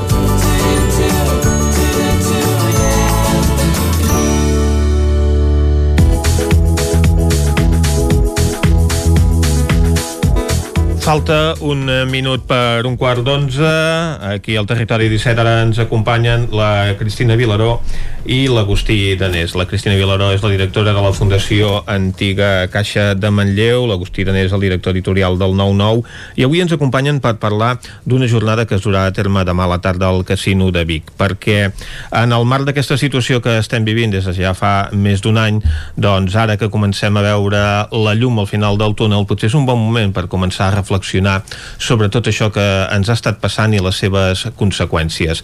I Osona Debats, que cada any doncs, eh, organitza una jornada monogràfica de debat i anàlisi, s'ha volgut fixar aquest any amb el tema de la Covid. És així, no, Cristina? Cada any eh, s'organitza una jornada de, de treball sobre un tema monogràfic. L'any passat va ser el, la cohesió social a Osona, en la seva darrera edició d'aquest fòrum de debats, i, i el que farem demà és analitzar com ens ha afectat la Covid-19 a les nostres vides. Sí, sí, és la, és la idea de cada any, no? Una mica una, buscar una temàtica que sigui d'actualitat, que estigui focalitzada, diguem, al, al que és el territori, a la comarca d'Osona, i poder, sí, una miqueta tenir uns ponents, unes persones especialitzades que ens expliquen una miqueta des del de, seu punt de vista doncs, sobre la temàtica i després fer una mica, generar una mica de debat i de recull d'aquest debat. Uh -huh. Una jornada que presentarà Agustí Danés. Ens pots explicar una mica per on, per on aniran els trets? Sí, una mica en la línia del que deia la, la Cristina. Que, aquesta Osona Debats és una iniciativa de la Fundació Antiga Caixa Manlleu que, que organitzen conjuntament amb l'Ateneu de Vic també hi ha com a col·laborador del Consell Comarcal i aquest any ens hi hem sumat també al 9-9 una mica per fer d'altaveu uh -huh. d'això i perquè ens sembla que, que el tema en si és el tema, no? Vull dir que, que un, una, un altre any es podia discutir, no? De, o podien discutir-ho, de què parlem. Clar, aquest any no hi ha discussió, és el tema. Jo crec que té la virtut, una mica amb la línia del, del que deies, de, que tot va molt de pressa, no? O sigui, l'actualitat, una notícia tapa l'altra, jo dic que a vegades això és com circules per una, per una autopista de quatre carrils, però amb teletac, que no pares ni el peatge, no? I a vegades ens convé, quan, quan tot és tan accelerat, fer això que farem demà, no? Que és aturar-nos, seure, parlar, escoltar, aprendre i, sobretot, tenir una mica de perspectiva. I enllaço amb el que comentaves perquè això és volgut i no volgut perquè de fet aquesta jornada es havia de fer es va començar a preparar doncs, fa un any no? es havia de fer la tardor passada no es va poder fer per les circumstàncies de les restriccions sanitàries que hi havia es va passar l'hivern, no es va poder fer la van passar la primavera i ara sí que, sí que la podrem fer. Vull dir que això que no és volgut que no és volgut, uh -huh. perquè en realitat jo penso que, bueno, que juga a favor, perquè també et permet agafar més distància, tenir, com deies, la perspectiva d'aquest any llarg ja que portem de pandèmia, uh -huh. i per tant potser és millor, vull dir que sense ser volgut ens ho fem venir bé i és millor i com deies, és una mica abordar el tema de la Covid-19 però jo crec que la, l'interès és que de poder-ho fer des de moltes mirades, no? que no és un tema de dir, és un tema sanitari i aquí parlarà un epidemiòleg que en sap molt no és això. Vull dir, això té moltes cares i per tant es parlarà de la crisi sanitària, es parlarà de l'efecte que això té sobre l'economia, sobre el medi ambient, sobre l'educació, sobre el periodisme, etc. No? I per tant, hi haurà aquí mo molta gent, hi haurà 10 ponents, set, són 7 ponències, però algunes són compartides, 10 ponents que parlaran de, de temes varis. I, I a més a més, a mi em fa il·lusió, diguem que, que els ponents són gent que coneixen molt el tema del que parlen i que estan sobre el terreny. No, no és només una visió acadèmica, sinó, per exemple, tema sanitari. Uh -huh. Doncs hi haurà la doctora Morral, que és la cap assistencial de, de l'Hospital de Vic, i que podrà explicar com s'ho han fet, com han patit, però no només perquè ell ha estat allà organitzant, sinó perquè ha estat atenent malalts. I, uh -huh. i aquesta part, no? o és igual, o, o en, en Jordi Collet, no? que parlarà de l'impacte sobre l'educació, i que en Jordi, a més a més, eh, no, no, no només descriu, de dir, bueno, hi va haver un moment que es van haver de tancar les escoles, sinó que fa propostes, no? I diu, home, mm -hmm. això és un problema, perquè sí, llavors veiem que a casa doncs, hi ha famílies que no tenen ordinador, que no tenen fibra òptica, per tant, que és una altra fractura que pot crear amb el, amb, en, entre els estudiants en funció del seu nivell socioeconòmic, però no es queda aquí. Uh -huh. Diu, com ho podem solucionar això? I fa propostes. Per tant, jo crec que el conjunt uh -huh. és, és interessant. Uh -huh. L'Agustí serà qui obrirà aquestes jornades i també la tancarà amb una intervenció en Joan, en Joan Serra. Sí, bueno, farem la, començarà en, en, en Miquel Torrents i, que com a, mm-hmm. com a president, president de la Fundació, de la Fundació sí. i, i la, la Montse Ayats de les dues entitats organitzadores mm. i després mm. sí, al final farem una serà una mica diferent perquè la resta seran ponències i nosaltres la part que hem preparat, la part aquesta de, de l'efecte sobre el periodisme i la informació ho hem plantejat més com un diàleg no? Uh -huh. que llavors a l'hora de reflectir-ho en el llibre serà això, com un diàleg penso que és un format diferent, no? Cristina, que s'han sí. anat assajant heu fet taules rodones sí. tal. sí, és uh -huh. que cada any una miqueta clar, busquem un, un coordinador que sigui un expert, eh? Uh -huh. en, en aquest cas uh, l'Agustí és expert en tot per tant ens ha anat igual, eh? però com a periodista evidentment és el que passa als periodistes que han veritat... de saber de tot o si més no, semblar-ho no, però és clar, busquem una persona que coordini una miqueta i que ens ajudi a trobar aquests ponents no? que uh -huh diem, no? Uh -huh. I llavors el coordinador també li donem la, la, la potestat, diguem-ne, uh -huh. de que ell estructuri aquest acte. No sempre uh -huh. és igual, una mica la idea i els objectius són els mateixos, però l'estructura de l'acte no. I a vegades doncs, te, pots tenir un parell de, de conferències més, no? més masterclass, diguem-ne, no? Una uh -huh. conferència més llarga i a partir d'allà doncs, fer unes píndoles d'experiències, per exemple, no? de projectes uh -huh. i experiències, o com en aquest cas doncs, cadascú ens explicarà amb uns determinats, diguem-ne, durada, doncs, la, seva, la, seva, la seva visió des del seu punt de vista, no? O sigui, cadascú, uh -huh. i en aquest cas, doncs, a l'Agustí doncs, li va agradar fer-ho d'aquesta manera, donar la mateixa importància uh -huh. a cada un dels sectors i llavors acabar una miqueta amb, aquesta, amb aquest diàleg entre periodistes, no? Sí, que, és, que tot, també quan ho, quan ho discutíem això, al final tot és opinable, eh? vull dir que uh. -huh. hi han, has de fer una tria i acaba ben aquesta tria i segurament si la tria, poder, poder eh? que en comptes de fer-la jo l'hagués fet algú d'un altre sector doncs aquesta del periodisme poder no li hauria posat, algú pot pensar uh mhm. -huh. pot, dic, pot pensar, aquesta és ficada aquí amb calçador bueno, mm, sí i no, perquè oh, penso... No Sí, perquè precisament durant la, la pandèmia doncs, també hi ha hagut molta necessitat d'informació. És, un, és un moment, a més a més, de, de, que a banda de la crisi sanitària també hi ha una, una crisi jo dic no del periodisme, sinó del model de negoci periodístic, no? Uh -huh i l'altaveu que representen les xarxes també fa que poder la, nosaltres que hem de reivindicar més la nostra feina com a professionals, no? I de dir, uh -huh. bueno, eh, també necessitem eh, educació per aprendre a, a, a llegir, no? I destriar, hem de dir, destriar el gra de la palla, no? És una època uh -huh. que per les xarxes, bueno, circulen Tot, tothom hi diu la seva, exacte. I, i circulen moltes falòrnies, no? Uh -huh. I estem més acostumats a, a estem més acostumats a, a consultar titulars que llegir notícies. Bueno, tot mm -hmm. això també ho hem de, ho hem de reflexionar, no? Uh -huh. Efectivament. De fet, aquests mateixos dies el, el, el Consell de l'Audiovisual de Catalunya reprèn a TV3 doncs, pel tractament que a vegades fa de, de, de, de teràpies alternatives i, i d'aquestes doncs, propostes eh, mèdiques al marge del que està científicament demostrat. Eh, en aquestes eh, xerrades que veurem demà, ja n'hem parlat, que intervindrà Rosa Morral, la directora assistencial del Consorci Hospitalari de Vic, també Núria Macià, directora executiva de Creació, i Sandra Álamo, tècnica de l'Observatori Socioeconòmic d'Osona, en Ramon Ferrer, músic i responsable de programació de l'Atlàntida, un altre doncs, dels sectors també afectats per aquest eh, tancament de les activitats, el sector cultural, un dels que més ho ha patit. També eh, intervindrà la Bet Font, biòloga i exdiputada al Parlament, Mercè Generó, gerent d'Osonament, Anna Rufí, directora d'Osona Acció Social del Consell Comarcal d'Osona, com dèiem en Jordi Collet, sociòleg i vicerrector de Recerca i Transferència de Coneixement de la Universitat de Vic, Universitat Central de Catalunya i, com dèiem, Joan Serra, redactor en cap de Nació Digital, doncs que conversarà conjuntament amb Agustí Danés amb aquesta última intervenció de la jornada que es durà a terme de les 4 de la tarda a les 8 del vespre a la sala modernista del casino, pel que veiem, doncs, Cristina, això que dèiem, una visió molt calidoscòpica de l'afectació que ha tingut aquesta pandèmia en la nostra societat.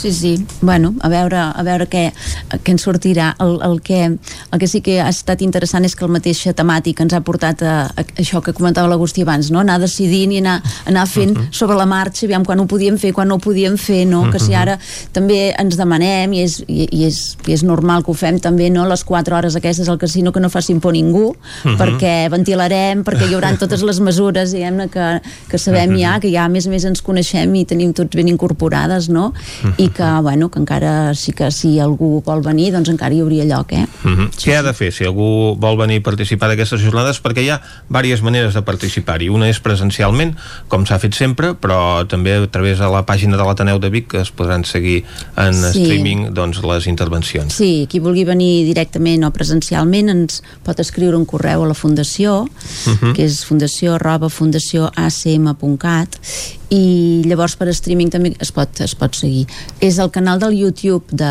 de, de l'Ateneu eh? o sigui, es pot mhm. entrar a través de la seva web uh -huh. o si mhm. vas ja directament al canal de YouTube doncs allà no farà falta fer cap inscripció ni res, uh -huh. directament uh -huh.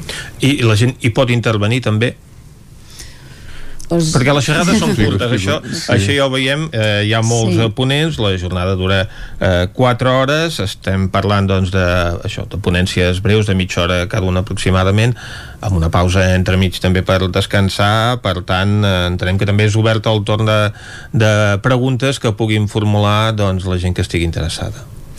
Sí, això és, és un dels temes que hem discutit, eh? En Cristina em mira volent dir, contestes tu o, o, o contesto jo? No, perquè, clar, el, el, la jornada Osona Debats, dic que aquesta vegada, clar, potser no serà tant un, un debat, també perquè els temes són molt diferents, no? Llavors, com dius, ho hem estructurat en ponències curtes, que seria això, diguem, de mitja hora, de 25 minuts, uns 25 minuts, i llavors el que farem és, sí, obrir un torn de, de, de preguntes, però intentar uh -huh. que sigui limitat. Uh -huh. Vull dir que no, perquè si no serà, serà impossible com, complir l'horari, no? Uh -huh. uh, I home, sí que hauríem de mirar, 4 hores és un temps que, que, bueno, que ja, ja és una estona, vull dir que hauríem de mirar allò uh -huh. de no acabar a les 10 del vespre, no? Llavors el que farem és això, aquestes ponències de 25 minuts i obrir un torn doncs, d'un parell o tres uh -huh. de, de preguntes en concret per, per cada temàtica. Vull dir que més que un debat igual acabarà sent una mica de col·loqui però bueno, sí que hi haurà aquesta oportunitat de, que, es, que es pugui preguntar o fer alguna aportació sobre el que s'hagi comentat. I després d'aquestes aportacions en sortirà també un llibre Sí, cada any fem un recull de lo que són les uh -huh. ponències, el coordinador fa una breu introducció també de com va anar uh -huh. i, i si hi ha hagut el debat doncs també es fa una miqueta un recull no, de, del que ha estat el debat i sí, i fem això, fem una publicació que després eh, és gratuïta, eh? la distribuïm una uh. -huh. mica a entitats, a públic, a persones interessades, institucions, a les biblioteques uh -huh. de la comarca, va parar a cada un dels alcaldes, per això el Consell Comarcal hi col·labora uh. -huh. en algun del Consell d'Alcaldes que fan, els hi, els hi fan arribar, o sigui, uh mhm. -huh. queda distribuït per la comarca una mica això que comentàvem, no?, per ser per ser vist, per ser analitzat i per ser utilitzat en cas que sigui necessari. Uh -huh. Doncs eh, Cristina Vilaró i Agustí Danés, gràcies per acompanyar-nos. Avui hem conversat Vosaltres. amb la directora de la eh, Fundació Antiga Caixa de Manlleu i el director editorial del 9-9 amb motiu d'aquesta jornada de debat demà de 4 a 8 de la tarda a la sala modernista del Casino de Vic. Ara nosaltres al Territori 17 farem una pausa i tornem d'aquí un moment. Exacte, fem re una pausa molt breu, 3 minutets i després tornem amb piulades, taula de redacció i anirem cap al cinema amb la Núria Lázaro. Això ho farem durant la propera mitja hora. Fins ara. El nou FM, la ràdio de casa, al 92.8. Cada joia és un art. Joier J. Garcia, taller propi de joieria i rellotgeria Joies úniques, peces artesanals, dissenys exclusius i personalitzats. Rellotges, anells, braçalets i molt més. Joier J. Garcia, ens trobaràs a la Rambla de Vallada 6 i a la carretera de la Guixa 10 de Vic i a Tona, al carrer Barcelona número 17. També a Instagram i a jgarciajoyer.com. Mudances a la carta. Som especialistes en muntatge i desmuntatge de mobles. Oferim servei de guardamobles i fem mudances a tot el territori. Trasllats de pianos i peces delicades i també fem embalatge i protegim. Mudances a la carta. Serveis adaptats a cada client. Ens trobaràs al telèfon 605 04 34 75. Cocodril Club. Si t'agrada la bona música dels anys 60, 70 i 80, escolta el 9 FM els matins de dissabtes i diumenges d'11 a 1. És el temps del Cocodril Club, tot un clàssic de la ràdio, amb les bases del pop-rock, les llegendes, les cançons que s'han convertit en autèntics himnes. Recorda, dissabtes i diumenges al matí, d'11 a 1, al 9 FM 92.8. Cocodril Club, el programa revival de l'Albert Malla. Hasta luego, cocodrilo. La Cakery. Pastissos personalitzats, galetes, cookies, brownies i molt més. Ens trobaràs a Vic, al carrer de Gurb 34 Baixos, al telèfon 93 886 70 51 i també a Instagram i Facebook. Xalant Moda i Complements. Nova temporada primavera-estiu. Moda home-dona, nen-nena, sabates, bosses de mà, maletes, complements i molt més. Vine a veure, ens trobaràs una secció d'ofertes amb roba de la temporada passada a 10 euros i 19 euros. Vine a Can Xalant, ens trobaràs al carrer Sant Tomàs número 6 de Call d'Atenes. També a Instagram i Facebook.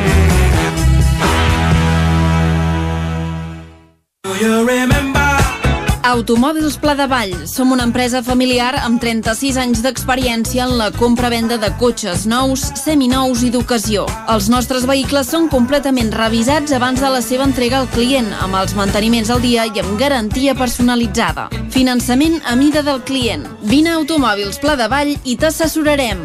Som a la carretera de la Guixa, número 1719 de Vic. Telepizza Vic. Vine a descobrir les nostres ofertes. Tots els dimarts ens tornem bojos, pizzas mitjanes a un preu irresistible i tots els dijous, Family Days. Gaudeix tota la setmana del triple de Telepizza per 7 euros amb 25 cèntims cada una si les passes a recollir. Telepizza Vic. Som a la carretera de la Guixa, número 12. El 9 FM, el 9 FM, el 9 FM, el 9 FM, el 9 FM.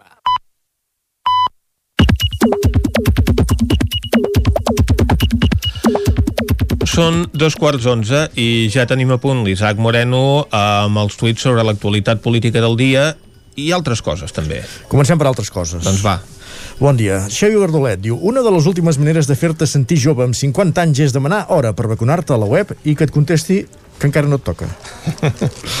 Pobre xetes, hòstia. No el deixen vacunar. Una hora o altra li arribarà l'hora també. Paula Valls, cantanta, música, però amb problemes d'informàtica. Diu, algú amb coneixements de WordPress i molta paciència? En Xavi Estrany li respon, diu, si a vegades s'ha de tenir molta paciència per treballar en WordPress. Jo em dedico al disseny web, si necessites ajuda envia un direct, MD, un missatge directe, uh -huh. o escriu-me a través del web. I la Paula que li diu gràcies, no sabem com ha acabat la cosa. Entenem que bé. Segur, home. Nil Cardona, he provat l'ESPAU de més de 25 anys d'història i geografia amb un 9 i mig. Després d'una setmana de llàgrimes de profunda tristesa, avui ha arribat al matí que el plor és d'alegria, com deia l'Ovidi. Gràcies als que heu cregut en mi, ho hem aconseguit, el camí el farem caminant. Visca, doncs enhorabona, aquest optimisme. Oh, tant que sí.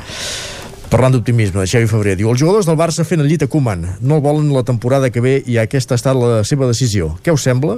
doncs qualsevol empresa seria per rescindir contractes. Exacte. Li respon Emili Beguer, diu pot ser, però realment els que han de fotre el camp són ells. El pobre Koeman em sembla que ho ha fet prou ha fet prou amb el que es va trobar quan va arribar. Santa paciència ha tingut. No ho ha tingut fàcil, això eh, segur que no, però potser també ho podria haver fet millor. Saps què? Ho analitzarem dilluns, això, a la tertúlia. Val més. Josep Lluís Garcia diu Quina irresponsabilitat si anem de nou a eleccions? Quina mirada més partidista? Quina poca voluntat de transcendència? Quin poc sentit d'estat? Quina buidor? Posin-se d'acord. Li respon, per exemple, Toni Vallbona Diu totalment d'acord O l'usuari Misterà primer d'octubre. Sí, és exactament el, que arrosseguem des del 10 d'octubre O el 21 de desembre, si es vol. Una gran farsa. Fins que no pleguin tots aquests Tots amb el subsegüent i tonificant Travessia del desert No aixecarem el cap Mentrestant, degradació i més misèria déu nhi I tant. El panorama com està. Maria Nicolau diu, ara pensava, com coi puc tenir la casa així de gelada si no fa pas tan fred, tanta fred? I resulta que m'entra la ventolera per la llar de foc. Quin truc maligne, quin truc maligne. Doncs mira, mala sort, sí. Les llars de foc són molt boniques, però també tenen els seus inconvenients. Els Nyandú, grup de música, diu estem d'estrena, el secret més ben guardat del pop. Ja està disponible a totes les plataformes digitals. Us estimem i val la pena anar-la a escoltar o a comprar-la. Ara, ara. Jordi Vilarrodà, a Twitter tots els partits tots tenen els seus entorns aixelebrats i o intoxicadors. Aquesta no pot ser la mesura de res. Encara continuo creient que algú més enllà del timeline que treu foc tindrà la sensatesa de portar-nos a unes eleccions on tot, de no portar-nos a unes eleccions on tot l'independentisme hi perdria. I de regal als Nyandum la seva nova peça de fons, eh? Una, una bona banda sonora. Clar que sí. Ja la vam escoltar ahir i, I, i avui aprofitem per recordar-ho també, aquesta nova cançó dels Nyandú que tornen. Respon, respon al fil d'en Vilarrodà Andros d'Exoix. Diu, Twitter viu en si mateix. Ja ho he descartat l'op- l'opinió política. He cregut que era una forma de presència cultural, però ara començo a dubtar-ho. Hem de reformular-nos a les xarxes entre el control que hi exercien i les bogeries que s'hi diuen. 1984, Orwell. Llavors encara no hi havia Twitter, però vaja. No. I acabem amb una piulada brillant, com sempre, de, de l'Anna Pont. Diu, així faria jo de moderadora de les negociacions entre, entre els polítics catalans. I també us dic que repartiria banda i banda per electoralistes, cansinos i mentiders. I com és així? Ara, doncs ara. ho acompanya amb una fotografia d'una noia ben calçada amb l'equipació de kickboxing. Doncs bé, Isaac, ja que començàvem aquest recull de twitters parlant de la vacunació, ara mateix ja s'ha sabut que a partir del mes de juliol es vacunaran els menors de 40 anys i sense priorització d'edat. Per tant... Ah, però encara, encara han de fer els menors de 50? Eh, sí, però ah. estic parlant del mes de juliol, per tant ens queda encara juny pel mig, però a partir de juliol els menors de 40 anys... Vicenç, tu ja passes dels 40, no, per això? Sí, jo ja estic vacunat de 7, Ah, per val, tant... val, val. molt bé, molt bé. No, no entraríem en aquesta... Bé, sóc dels que estan en els llims, ja anaríem parlant de tot això. Ufa. Doncs els menors de 40 anys, que a partir del juliol i sense priorització de franges d'edat es podran vacunar també en aquells moments en Xavi Bardolet també estarà vacunat, si així ho En té desitja. uns quants més de 40, en Xevi Verdolet, eh? Sí, sí, Puc afirmar dit, que 50, 50 i tot. Sí, sí, per això. Exacte. Però no el deixen apuntar-se encara, és la queixa. Va, som-hi. Anem ara a repassar les portades del 99.cat. La reinvenció del sector de la pell, una de les cròniques que podem llegir a la portada d'Osona i el Ripollès. També vídeo, el joc centrarà el desè aniversari del projecte Art i Escola. Presenten a Vic el desplegament del 5G a la Catalunya Central i l'entrevista d'Olors Calm de Fem Centelles a mi el menyspreu i la desqualificació és molt constant. Uh, més qüestions, carreguem ara ràpidament l'edició del Vallès Oriental. El centre de Granollers registra 20 obertures de comerços en els darrers 9 mesos. Detingut un home a Lliçà damunt quan sortia de casa amb 9 quilos de marihuana redueixen a 90, de 90 a 50 la velocitat màxima a la carretera de Sant Miquel del Fai i mor Pilar Forcada, comissària i directora d'art de la Garriga. Molt bé, doncs moltes gràcies, Isaac. Ara nosaltres ens encaminem cap a la taula de redacció. Bon dia. Territori 17.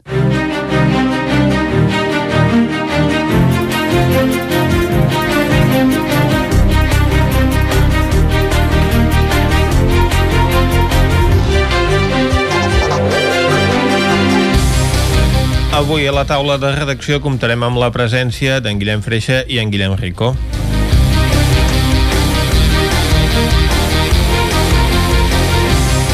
Comencem, Guillem Freixa, parlant del eh, 5G, eh, perquè Vic esdevé la capital del 5G de la Catalunya Central. Sí, exacte. Amb 5G, cinquena generació dels mòbils, no sé si te n'en recordes de, de l'1G, del 2G. Eh, a mi em va sorprendre que en la presentació d'aquesta àrea 5G de la Catalunya Central Mhm. uh -huh. el conseller eh, Puigneró va fer un repàs una mica de, de cada G que, que ha anat eh, evolucionant. I... Jo me'n recordo del GRPS, ho dic bé? que això... Crec, que, que, crec que era així al principi, Doncs- el GPRS, ara, ara em fas dubtar. va cridar l'atenció que deia això, no? L'UG eren els mòbils que permetien trucar, Trucar. fer trucades, i que ara pràcticament és una de les eh, coses que no es fa amb el mòbil. Trucar, perquè es fan mil eh, coses, però trucar potser ha, ha anat eh, baixant en la llista de, de prioritats. El 2G eh, era la introducció de la tecnologia SMS, el 3G el de les aplicacions al mòbil i, i l'internet mòbil, 4G les altes capacitats i hem arribat en aquest 5G que s'està Mhm. començant a desenvolupar i precisament aquest eh, dimecres, com dèiem, es va presentar aquesta àrea 5G a la ciutat de Vic, àrea 5G de la Catalunya Central. Què ha de permetre aquest projecte? Doncs explorar noves oportunitats per als sectors, per quatre eh, sectors de, de l'economia, quatre àrees de, de coneixement, com són els sectors agroalimentari, l'indústria 4.0, vinculada molt en l'àmbit del metall, els drons i també el repoblament rural i la igualtat d'oportunitats en els municipis eh, petits. Com es farà tot això? Doncs aprofitant aquesta tecnologia 5G que donarà una alta capacitat de, de banda, de velocitat, eh, una tecnologia realment molt, molt puntera, doncs eh, en primer lloc es crearan workshops que en, en diuen, eh, trobades eh, entre els sectors implicats i es eh, posaran a sobre la taula propostes en què aquesta tecnologia els eh, pot eh, ajudar. Posaven d'exemple, per exemple, en l'àmbit eh, agroalimentari, Mhm. el control dels camps eh, a través de, de drons, a través de videocàmeres en temps real que es puguin veure en una central d'operacions, també una anàlisi dels fruits que puguin sortir en un terreny agrícola a través d'una aplicació concreta. Eh, parlaven d'aquests eh, casos d'ús. I precisament aquests casos d'ús és eh, l'objectiu d'aquesta àrea 5G de la Catalunya Central, que abarcarà eh, Osona, el Moianès, Bages i Berguedà, intentant anar trobant eh, aplicacions pràctiques, eh, aquest concepte del 5G, que a vegades ens pot quedar una mica eh, difús, doncs anar trobant aquests eh, casos pràctics. Com dèiem, aquests workshops, aquest epicentre de l'àrea 5G de la Catalunya Central serà eh, a Vic i eh, també remarcar aquest eh, tema dels municipis eh, petits. Deia el conseller Puigneró que amb la tecnologia 5G, amb l'ample de banda que permetrà eh, aquesta tecnologia, el municipi més petit de Catalunya pot eh, tenir l'empresa més gran del territori o amb una difusió i un abarcament impressionant. I ell posava un exemple que ha visitat municipis petits en què l'alcalde no coneix l'empresa del municipi que té ressò més internacional i és perquè aquesta empresa no és massa visible, està en un garatge amb quatre ordinadors però en canvi operen a tot arreu del món i fent transaccions realment eh, importants eh, en el seu àmbit de d'acció. Així molta gent no, no donarà feina. No, no, o sigui, hi ha gent treballant, Però però... tot el món. Molt, sí, exacte, uh Mhm. -huh. aquest àmbit eh, digital. I per anar acabant, dir que eh, la tecnologia 5G el que ha de potenciar sobretot és aquest vincle, ells deien entre màquina i màquina i ho eh, feien d'exemple eh, amb el que seran les Smart Cities, també una altra de les Mhm. aplicacions d'aquest 5G, que per exemple a, a la nit els semàfors estaran en verd Uh, quan s'acosti un vehicle si també hi ha un peató que vol creuar doncs ho podrà uh, detectar i diguem ser més eficient en l'organització de les uh, ciutats i dir que aquesta tecnologia aquí a Osona i al Ripollès doncs ja està operativa en nou municipis a la comarca d'Osona, Balanyà, Centelles, Manlleu, Roda, Sant Hipòlit i Vic ja tenen aquesta tecnologia Ja tenen 5G. 5G, Perquè aquesta és la clau. Si volem desenvolupar aplicacions amb 5G, el que convé doncs, és que Sí. eh, aquesta tecnologia arribi a tots els racons de la Exacte. comarca d'Osona en aquest cas i també de la Catalunya Sí, que és un central. dels reptes, eh, aquesta fibra òptica, eh, portar-la eh, a tots els eh, municipis, també amb la que es coneix com a última milla, que so, sovint és el que Mhm. costa més d'arribar en Exacte. llocs on hi ha pocs clients potencials, Mhm. doncs les grans operadores sobretot no hi arriben, i el Ripollès el 5G també està actiu a Camprodon, a Ribes de Freser i a Ripoll. Per tant, aquest 5G Mhm. que es va estenent per Osona, per al Ripollès i per la Catalunya central on ha començat a funcionar aquesta nova àrea 5G. Ah, exacte, perquè si arriba a Balanyà també vol dir que arriba a moltes zones del Moianès eh, des d'allà de, des d'allà Mhm. mateix. Doncs moltes gràcies, eh, Guillem. Ara anem a parlar amb en Guillem Rico i eh, el que parlarem amb en Guillem és una temàtica que afecta a Torelló, que és el control de les colònies de gats, Guillem. Bon dia, sí. Doncs han fet una, una prova pilot de reutilitzar contenidors vells, uh Mhm. -huh. eh, els contenidors aquests verds típics d'abans, que on s'hi llançava el rebuig o tot barrejat. Uh Uh. -huh. um, I allà, doncs, Uh, ara hi poden viure els gats, les colònies uh -huh. de gats. A Torelló hi havia ja, de fet, sis colònies de gats i aquests contenidors els han instal·lat en quatre de- d'aquestes colònies.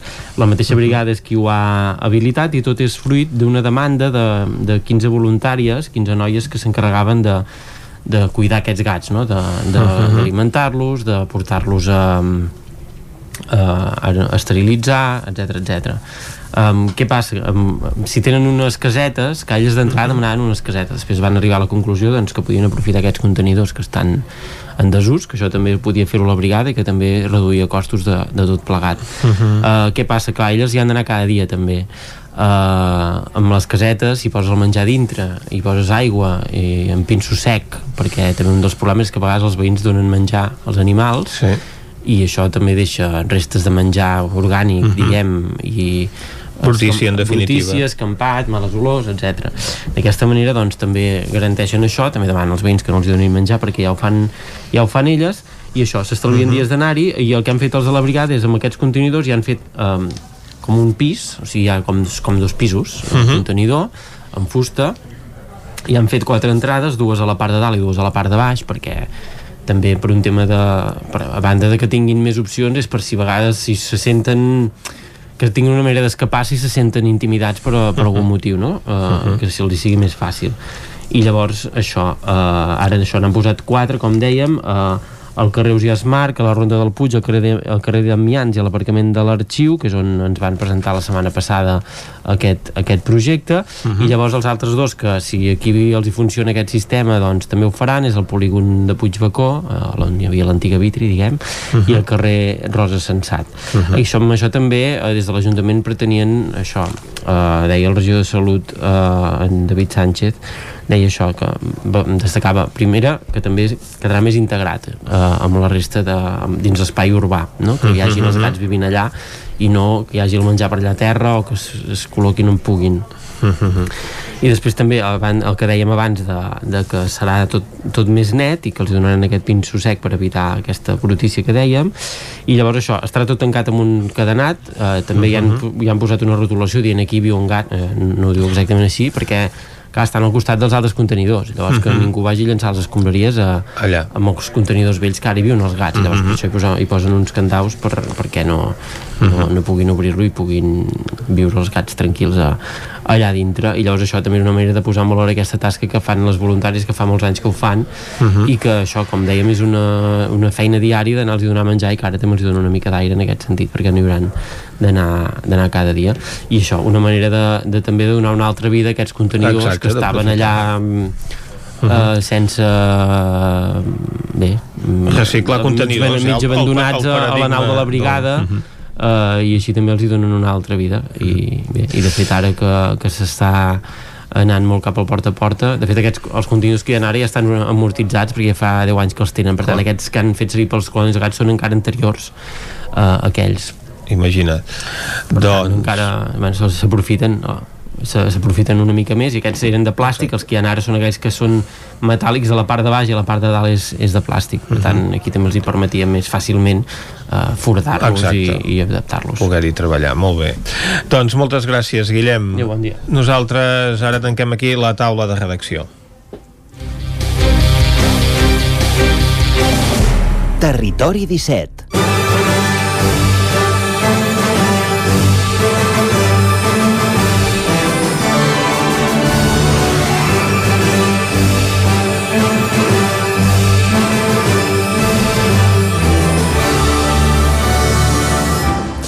I quan passa un minut i mig de tres quarts d'onze del matí, a Vicenç és l'hora d'anar cap al cine. Doncs sí senyor. Però necessitem una acomodadora com Déu mana, eh? Ah, exacte. Com sempre anem cap al cine, de bracet de la Núria Lázaro, que abans de repassar la cartellera, uh, no sé de què ens parlarà avui. Uh, Núria, Demanem-li. demanem-li de què ens parlaràs avui.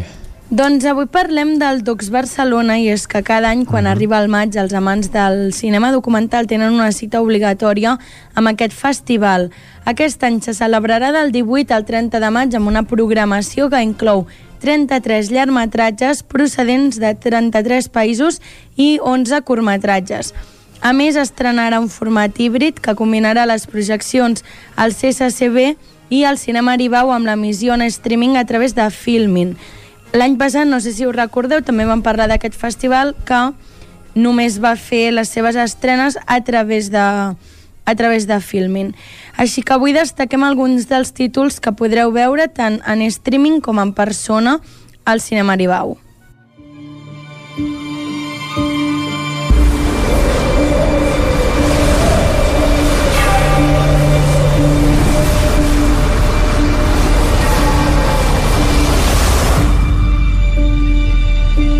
Era fer una excursió curta, i el Andreu no té molta dificultat, que hagués acabat a l'hora de dinar sense problema.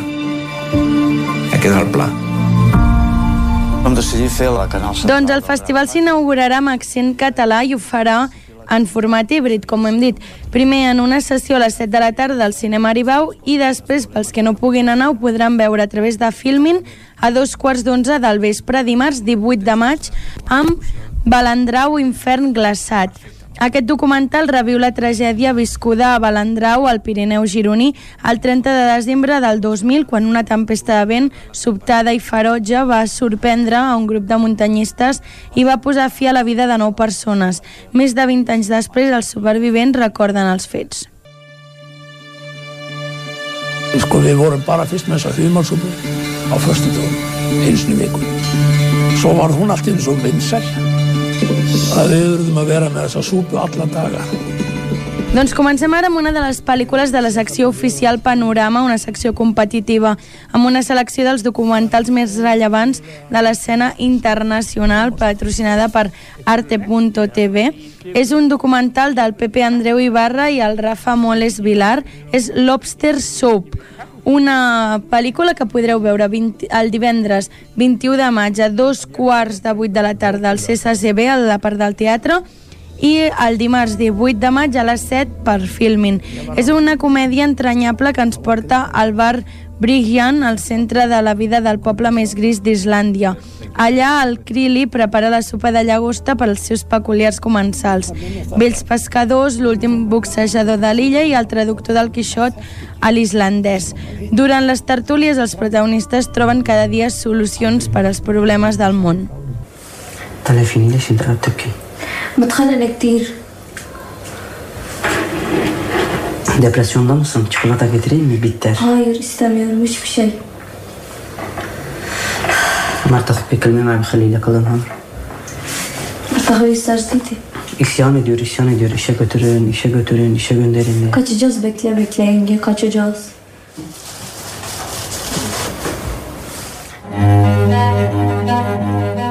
Doncs una altra de les pel·lícules d'aquesta secció competitiva, bueno, documental, perdó, la secció oficial Panorama, és Les Enfants Terribles, que s'estrenarà dimarts 18 de maig a les 7 de la tarda a través de Filmin de l'Ahmed Negdet. És un drama familiar que convida a reflexionar sobre els rols de gènere, la religió i el patriarcat. El director Ahmed Nadber ens porta a Keskinchi, un poble prop de la frontera turca amb Síria. El seu germà Mahmoud vol trencar el seu matrimoni de conveniència mentre que la seva germana, la Zaineb, ha començat a estudiar per anar a la universitat sense l'aprovació dels seus pares. Tanmateix el pare vol imposar la seva autoritat. Mau?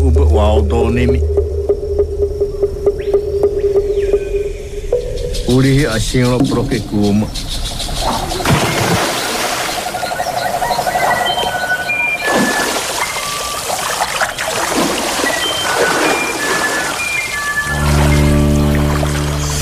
Yanomami Yamakü Sayo Arretoimimaki. O meu povo não aceita Doncs parlem ara d'un documental que està dins la secció oficial Latitud, secció competitiva amb els millors documentals de la península Ibèrica i Amèrica Llatina. Es tracta de The Last Forest, un documental de Luis Bolognesi que podreu veure dimecres 19 de maig a dos quarts de vuit al CCCB o a partir de les 7 per Filmin. És un documental per prendre consciència ecològica. El poble Yanomami lluita en defensa dels drets indígenes pertorbats per les empreses extractores d'or que des que Jair Bolsonaro va proclamar-se president de Brasil han revifat la seva activitat. El xaman i portaveu Yonomami David Copenaua és també el co-guionista d'aquest documental. Lo que ocurrió en Alsasua es lo peor de la naturaleza humana y lo que realmente llevó a la Europa del siglo pasado a una de las mayores atrocidades. Es la xenofobia, es el racismo, es el fascismo en estado puro lo que hemos visto durante estas dos semanas en este juicio.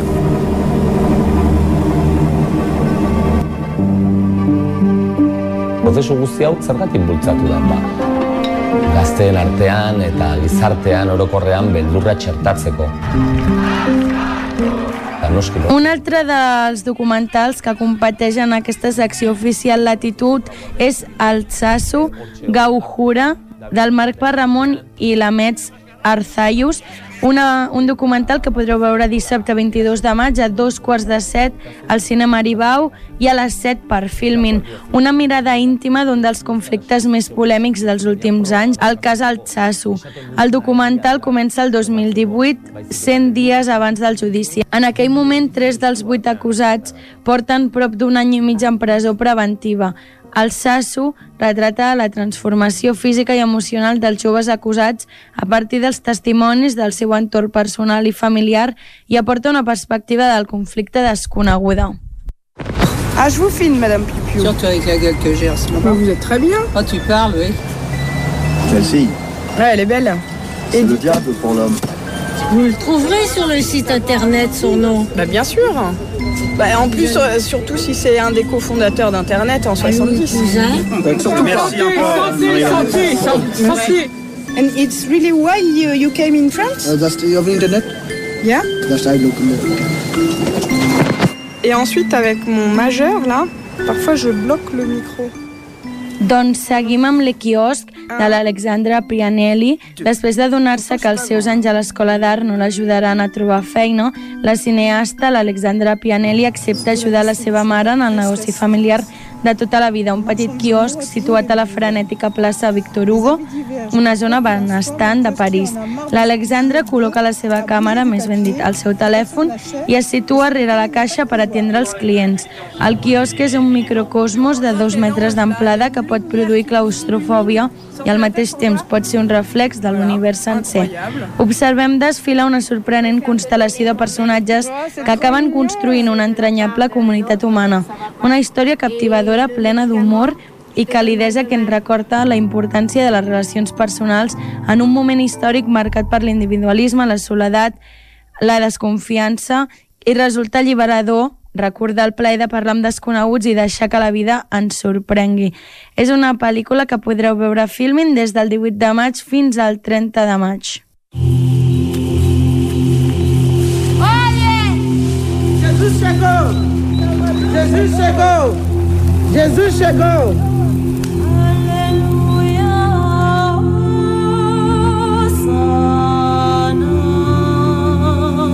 At this juncture, I left everything behind so I could let myself fall into a great emptiness.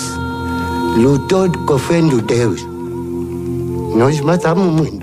Doncs un altre documental és Savalla, documental dins de la secció oficial Panorama del Hogir Irori, que podreu veure en estrena divendres 28 de maig a 3 quarts de 8 de la tarda al CSCB o a les 7 a Filmin. Els jihadistes són una ètnia d'origen kurd del nord d'Iraq, Síria i del sud-oest de Turquia. El 2015, Daesh va atacar la, ciutat iraquiana de Sinjar per exterminar la població jazidita. Es calcula que van assassinar unes 3.000 persones i en van segrestar gairebé 7.000. Avui en dia hi ha centenes de dones i nenes jazidites que viuen al camp de refugiats d'Al-Hol, al nord-est de Síria, amb els seus segrestadors i segueixen forçades a l'esclavatge sexual.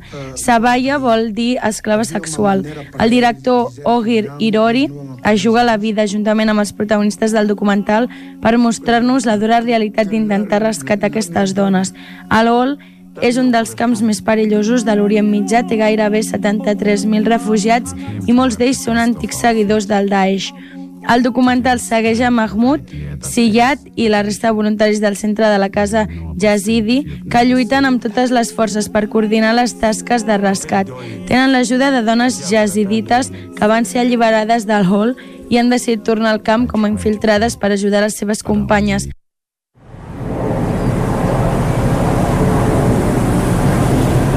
Arrived to Lebanon, my passport was taken from me right from the, the entrance. Doncs dins de la secció panoràmica també podem trobar As I de la Samaher Al-Qadi. El moviment feminista a Egipte està agafant més força que mai. Cada cop hi ha més dones que s'atreveixen a alçar la veu contra l'assetjament sexual, però aquesta irrupció de coratge ve de lluny. La primavera àrab va portar esperança de llibertat i canvis. No obstant, sovint s'oblida que durant la multitudinària protesta del 25 de gener de 2011 a la plaça Tahir del Caire, es van produir salvatges violacions en grup. La indignació de les dones egípcies va desencadenar una gran protesta per defensar els seus drets. La directora Samaher Al-Qadi va estar a primera línia per capturar una revolta de les dones que va passar desapercebuda als mitjans de comunicació. Durant el rodatge, Al-Qadi es va quedar embarassada i el film reflexiona sobre la maternitat i els límits de la llibertat. A través d'una narrativa profundament personal, Al-Qadi explica els records dolorosos de la seva infància per il·lustrar els obstacles a les quals s'enfronten moltes noies a les societats àrabs. La valentia d'Al-Qadi per explorar les arrels de la desigualtat de gènere a l'Orient Mitjà, traspassa fronteres i llança un cop de puny al patriarcat amb la càmera convertida en una arma d'autodefensa. No t'ho perdis. Estrenes de la setmana.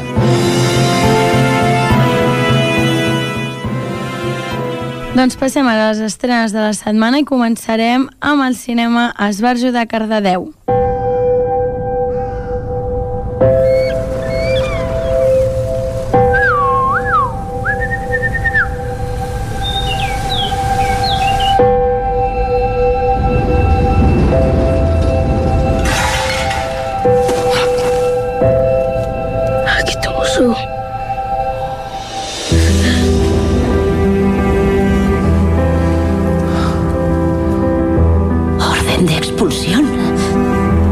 Bajo les estrelles de París és l'estrena que es farà avui, dijous 13 de maig, aquest divendres, dissabte i diumenge. Sous les étoiles de Paris és el nom original, una pel·lícula de 2020 eh, francesa. La Christine és una dona que viu al carrer aïllada de la seva família i els seus amics. En una freda nit d'hivern davant del seu refugi es troba en Sully, un nen burquinès de 8 anys que s'englota. No parla francès, està perdut i lluny de la seva mare. Units circumstancialment per la seva condició marginal, s'embarquen en l'emocionant aventura de cercar la mare d'en Sully a la màgica ciutat parisenca. El ojo del enemigo avanza. Ha llegado el final.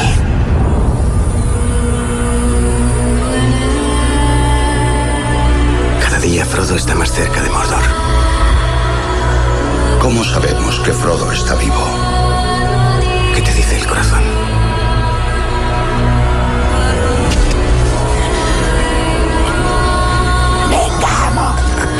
I anem ara al cinema Sucre de Vic i començarem amb aquesta pel·lícula de El Señor de los Anillos, com les altres tres setmanes.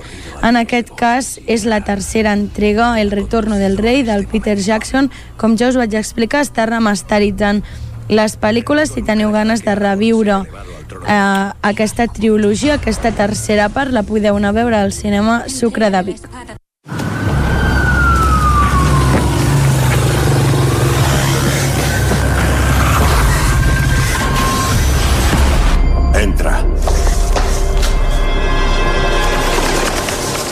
Escúchame con atención, hijo. Bajo el cementerio hay un tesoro escondido. Cuando lo encuentres, avísame y hablamos.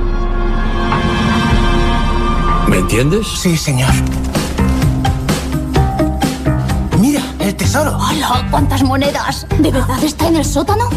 Pero primero, tienes que matricular. Demà divendres també un drama al cinema Sucre, Hijos del Sol, una pel·lícula del màgic Magidi. L'Ali és un nen de 12 anys i els seus tres amics treballen per sobreviure i ajudar les seves famílies fent petits treballs en un garatge i cometent petits delictes per aconseguir diners ràpid. En un miraculós gir dels esdeveniments, l'Ali rep l'encàrrec de trobar un tresor amagat sota terra. Per això recluta els seus amics, però abans de començar la missió ha d'unir-se a l'Escola del Sol, una institució caritativa que intenta educar nens sense llarg i que està situada a prop d'on suposadament es troba el tresor. Vamos, Chels, dile a todo el mundo qué día es hoy. Hoy es día 10, mi cumpleaños. Es un nuevo día. Doncs pel·lícula infantil també d'animació Barbie i Chelsea el cumpleaños perdido. Una pel·lícula sobre la Barbie i tot el seu món que si teniu ganes de veure la, ho podeu fer al cinema Sucre de Vic a partir de demà a les 5 i 20 de la tarda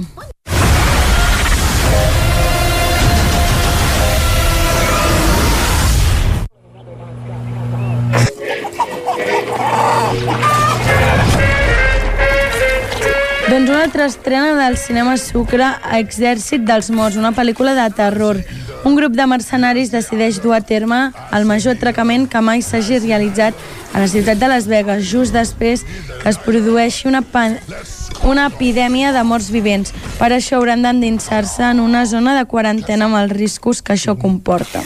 I per acabar aquesta setmana no hi ha estrena al Cinema Comtal de Ripoll, estan de festa major, així que no hi ha sessions cinematogràfiques, però si ho desitgeu podeu anar a veure l'estrena de Bajo les Estrelles de París, al cinema Esbarjo o totes les estrenes que acabem de comentar del cinema Sucre. I també el que podeu fer és veure per Filmin totes les pel·lícules que dimarts 18 de maig s'estrenaran a Filmin, però a banda les podeu anar a veure presencialment si algun dels dies que les fan us va bé anar-hi, òbviament.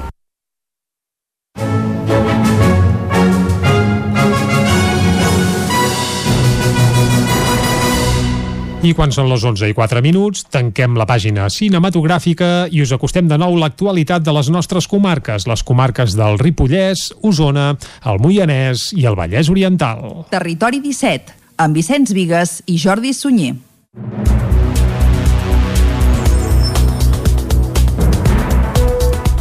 El nombre de persones hospitalitzades per coronavirus als hospitals d'Osona ha tornat a baixar per segona setmana consecutiva.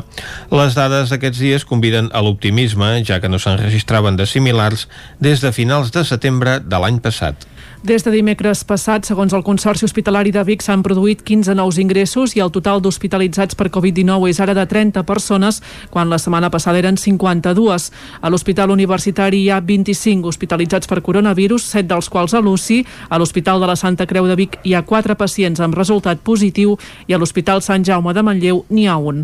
Segons les dades del Departament de Salut, en els últims 7 dies s'han notificat 190 casos nous de coronavirus que fan pujar el nombre de positius a Osona des de l'inici de la pandèmia per sobre dels 19.000. El nombre total de defuncions és de 670. Gairebé 4.700 persones han rebut la primera dosi de la vacuna la darrera setmana i el total d'immunitzats amb una dosi s'acosta als 45.500. Més de 20.100 persones han rebut ja la segona dosi. A Catalunya falten unes 10.000 infermeres per arribar a la ràtio mitjana de la resta de països d'Europa.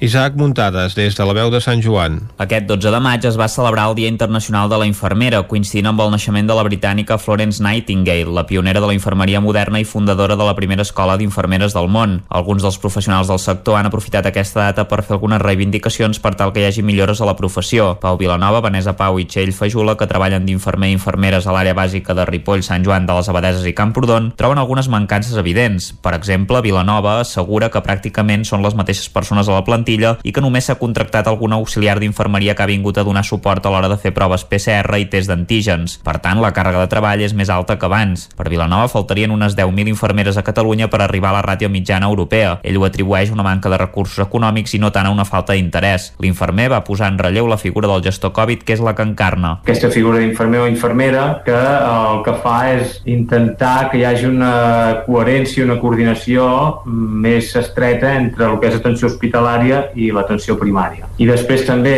a les persones que estan, doncs, la majoria d'elles en situacions doncs, d'alta complexitat, perquè estan fràgils, per edat avançada, per moltes patologies que tenen al mateix temps, prenen molts fàrmacs, etc. doncs, diguéssim, l'abordatge d'aquestes persones requereix un seguiment també eh, moltes vegades més estret i més personalitzat i amb unes valoracions àmplies que s'han d'anar doncs, actualitzant molt sovint perquè la seva situació també canvia molt sovint. L'infermer va recordar que el Ripollès és la comarca més envellida de la demarcació de Girona i també de les primeres de Catalunya. Per això cal fer un abordatge diferent amb més recursos. Per la seva banda, Pau va explicar que quan venen vacances no les substitueixen i que sempre són menys personal. A més, les infermeres només tenen dret a baixa si s'han contagiat amb la Covid-19 i no si han estat contactes directes d'algun positiu. També es va queixar de la poca estabilitat laboral. Els nostres contractes depenen d'una borsa de treball i aquesta borsa de treball ara mateix feia 3 o 4 anys que no estava actualitzada. Ara l'han actualitzat perquè van fer unes oposicions farà el 2018 que encara no tenim solució d'aquestes, no tenim nota, no tenim res d'aquestes opos. Estem encara pendents i llavors eh, aquestes oposicions ara sembla que aquestes, aquesta borsa de treball que l'actualitzaven per poder donar solució a les oposicions i l'han actualitzada malament després de 3-4 anys. I clar, d'això una mica depèn el teu contracte, no? que t'enviïn un lloc, t'enviïn un altre, però el teu número que tindràs, no? I és com cap dalt i ens tenen oblidadíssims. Fajula va apuntar que hi ha manca de previsió des de les instàncies superiors i que a vegades s'assabenten abans dels canvis de la normativa sanitària per la televisió que no pas perquè els diguin directament. Primer pas per autoritzar els parcs solars de Llinars del Vallès, Cardedeu i Samalús i Vilamajor, amb un informe favorable però amb condicions per part de la ponència d'energies renovables. David Oladell, de Ràdio Televisió, Cardedeu. La ponència d'energies renovables de la Generalitat, un òrgan col·legiat que pretén garantir la implementació ordenada de parcs solars i eòlics pel territori, ha fet un informe favorable als projectes de parcs solars presentats per dues empreses en uns terrenys de Samalús i uns altres a cavall entre Sant Antoni de Vilamajor, i Cardedeu, que tenen informe favorable amb condicions. La llum verda definitiva de la ponència està condicionada a anàlisis detallades d'aspectes rellevants, principalment relatives a paisatge i integració territorial. També hauran de portar la documentació com ara estudis de fauna, aportacions agràries, estudi de la composició del sol, d'impacte i integració paisatgística, prospeccions arqueològiques o garanties de connexió elèctrica. Sobre aquesta base hauran de fer una triple tramitació urbanística, ambiental i energètica abans d'obtenir l'aprovació de la Comissió Territorial d'Urbanisme i tramitar les llicències d'activitats i obres. Tenen un període de dos anys per completar el procés. La majoria d'ajuntaments dels municipis, però, ja s'han posicionat en contra de les noves instal·lacions per l'afectació d'espai natural que tindria. També creuen que s'ha d'estudiar les afectacions positives i negatives i tot i que tots els ajuntaments creguin en les energies renovables, aposten en que s'hi ha de treballar sense desfavorir la natura i des de les zones urbanes. El Centre d'Arts Contemporànies de Vic i el Centre de Recursos Pedagògics d'Osona commemoren el desè aniversari del projecte Art i Escola. Des que va començar hi han participat prop de 30.000 alumnes de 73 centres educatius de Catalunya. Fugir de les manualitats i introduir les arts contemporànies als centres educatius. Aquest és l'objectiu que es marcava el Centre d'Arts Contemporànies de Vic ara fa 10 anys amb la presentació del projecte Art i Escola. Des de llavors hi han participat més de 28.300 alumnes de 73 centres centres educatius de Catalunya. Aquest any hi han, prem, hi han pres part 21 escoles d'Osona, el Ripollès, el Moianès i el Solsonès. Part dels seus projectes, tots vinculats amb el món del joc, es podran veure en una exposició que s'inaugura avui dijous a l'ACVIC. Escoltem a Toni Garcia, curador de l'exposició Art, Escola i Joc d'ACVIC. Cal dir que l'exposició és una mostra, una selecció de tota la feina que se'ns ha anat eh, arribant i evidentment eh, l'espai físic no permet exposar tot el treball i descriure en detall tota la feina que, i tot l'esforç que eh, escoles, alumnes, assessors, etc. hi han, hi han esmerat, el centre de recursos inclòs. Amb motiu del desè aniversari, 10 artistes de renom reflexionaran sobre les 10 temàtiques que han marcat fins ara les edicions del projecte Art i Escola. Un conjunt de reflexions que, sota el títol de Complicitats, es podran veure a partir del 21 de maig al Temple Romà de Vic. Ho explica Miquel Verdagil, curador de l'exposició. Una complicitat entre el que podríem dir els diferents estaments, els diferents nivells de l'art contemporani, com són artistes, com són gestors, com són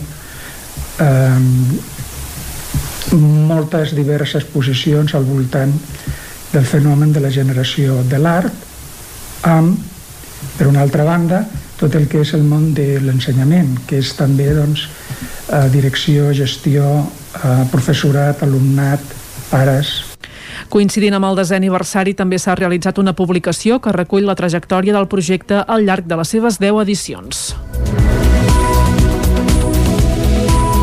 Esports. El Rec amb Làser Caldes va empatar ahir a 0 contra el Lloret en un partit que havia sigut ajornat per positius de Covid. Caral Campàs, des d'Ona Codinenca.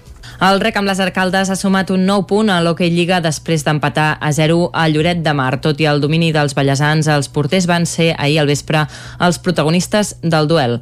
Edu Candami, tècnic d'alcaldes, en destacava l'actuació.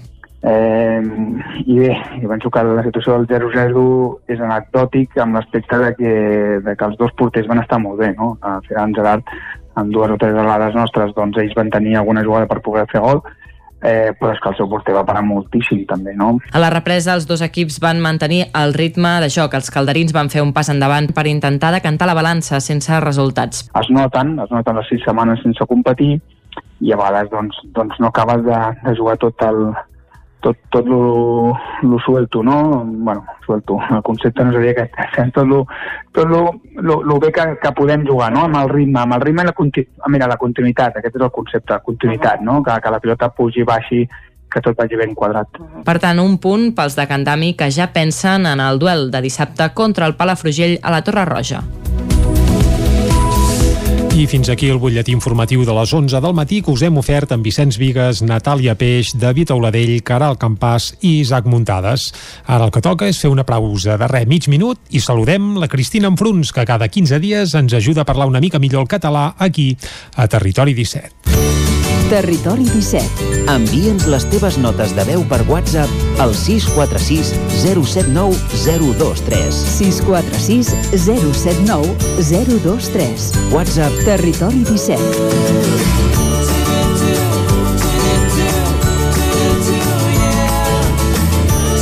Territori 17. Som a Facebook, Twitter i Instagram amb l'usuari Territori 17.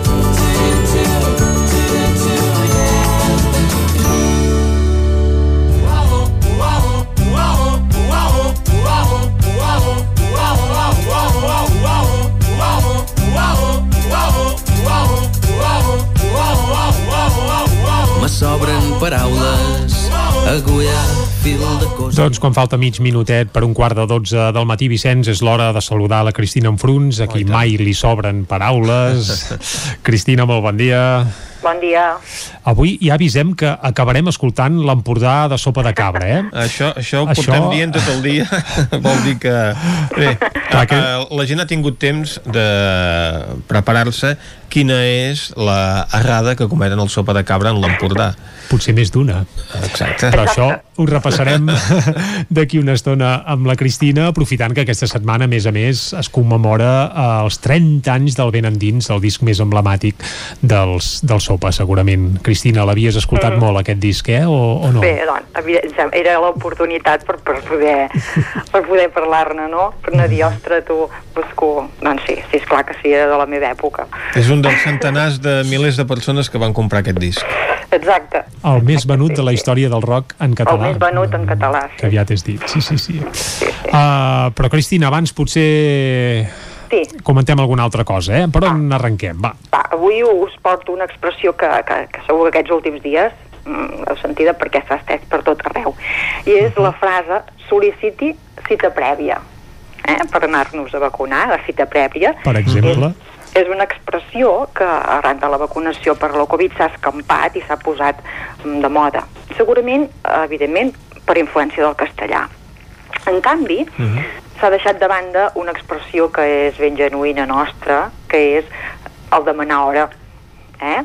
En comptes de sol·licitar cita prèvia, demanar hora. Per exemple, demanem hora per anar al dentista, demanem hora per anar a la perruqueria, Val? Per tant, hi ha molts estudiosos que creuen que no passaria res si en comptes de dir sol·liciti cita uh -huh. prèvia, diguéssim, demani hora telefònicament, per exemple, o bé... Eh, Demanar tanda serviria?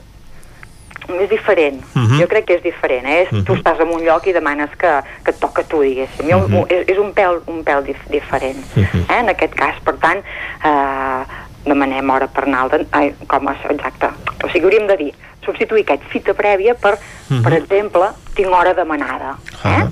Per tant, segons els experts, es considera que les formes més adequades en català són demanar hora o concertar una cita per expressar l'acció i hora demanada com a nom. Tot i que, tinguem en compte, eh, jo dic, us parlo això de la cita prèvia, però és admissible, eh? no és pas que, que estigui malament. Però per què hauríem de fer servir, hauríem de prioritzar aquest demanar hora o concertar cita? Eh, jo, bé, jo crec que hi ha dues raons. Primera és que són les expressions tradicionals en català. Eh? Demanar hora és el verb habitual i concertar una cita que també està bé, potser és més formal. És a dir, potser demanarem hora al metge, uh -huh.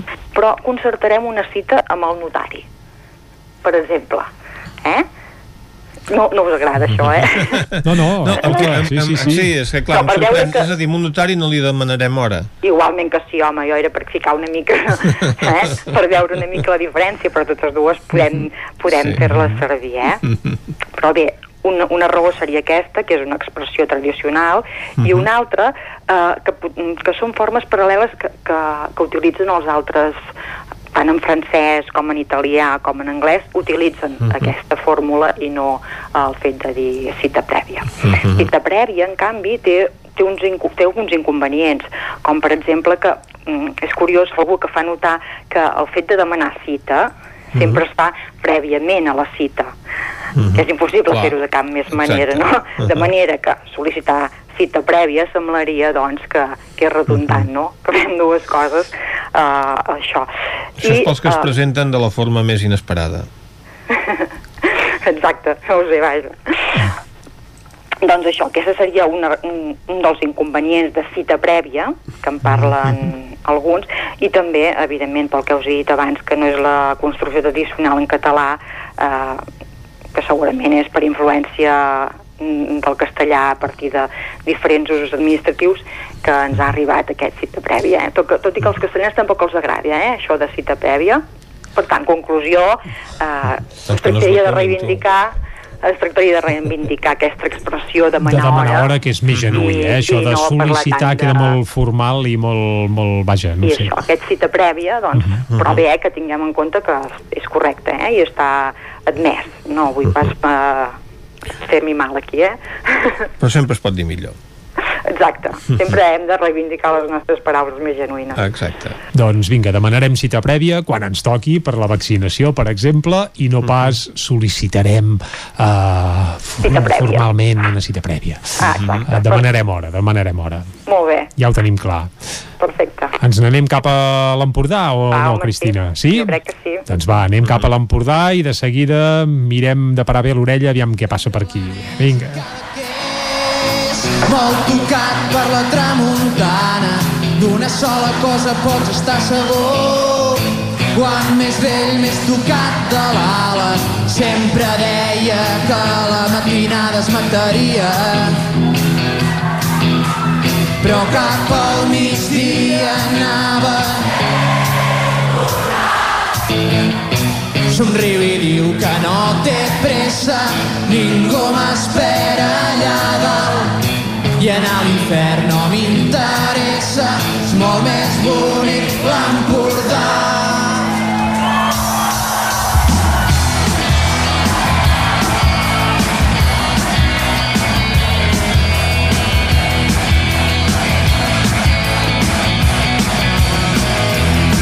I varen passar ampolles i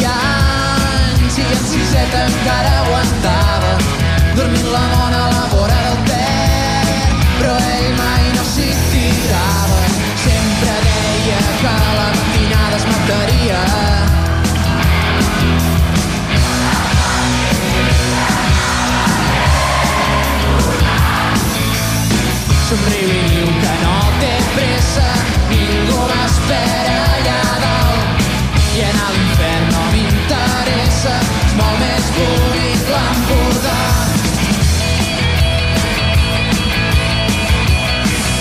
Quin clàssic, eh? I quants, quants records en la versió de- d'això, que ja el ven endins, aquest en directe, uh -huh. aquest Empordà en directe, gravat ja fa 30 anys a la Sala Celeste de Barcelona, on no sé si hi havia en Vicenç Vigues, potser, eh? Doncs en aquest no. En aquest no, va.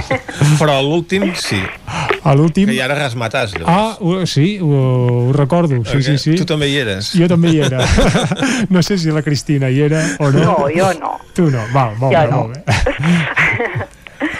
Uh, Cristina, va, anem a repassar uh, la lletra d'aquest Empordà, una cançó que ja gairebé es pot considerar una cançó tradicional del repertori mm, nostrat, perquè és evident que se la sap tothom, fins i tot la gent de menys de 30 anys, eh? Mhm. Doncs bé, a veure, primer de tot, una cosa que segur, no sé si tu, Vicenç, t'hi vas fixar, si has anat al primer i has anat a l'últim, doncs hi ha una diferència, a la primera frase ja, quan diu nascut entre Blanes i Cadaqués, quan al principi en Quintana feia entre Blanes i Cadaqués, i ara al final, bueno, o, o més endavant, Mhm. suposo que es va altracorregir, i neutralitzava, eh, deia Mhm. entre Blanes i Cadaqués. Eh, hi ha una diferència aquesta. Però bé, a part d'això, A veure ara que Ah. rediten Però el també és disc, important, eh? No? Sí. I, uh, I tothom critica que, clar, entre Blanes i Cadaqués val fantàstic, però si parlem de la Costa Brava no s'acaba Cadaqués la Costa No. Brava, eh? sinó una mica més amunt. Sí. Però vaja, això és una llicència... seguim, seguim, va. Bé, una miqueta més avall, quan diu uh, aquest quan més vell, més tocat de l'ala, no sé si us n'heu adonat d'aquest, eh? altres vegades ha sortit en altres cançons i també l'he comentat, eh? per expressar aquest com hem de fer servir, no quan més, quan menys, sinó com més, com menys, aquí tampoc costaria massa uh, fer el canvi. No, és un monosíl·lab. Com més vell, Sí, uh, colaria de sobres quan, com, uh, no hi hauria problemes. Sí, podríem sí. fer-ho, eh? com més vell, més tocat de l'ala. Espero que ens estigui escoltant, eh, en Gerard Quintana, si més no en Josep Tió, no, que, escolta, ara sí posaran aviat a fer la gira aquesta dels 30 anys del vent endins, i és un bon moment per posar fil a l'agulla i fer-ho bé, com la Cristina ens A mana. més d'això, eh? I després, al final, eh, quan diu aquest potser que avui no em suïcidi, aquest potser ho deixi fins demà, ja dic, potser i pot ser tenen significats diferents.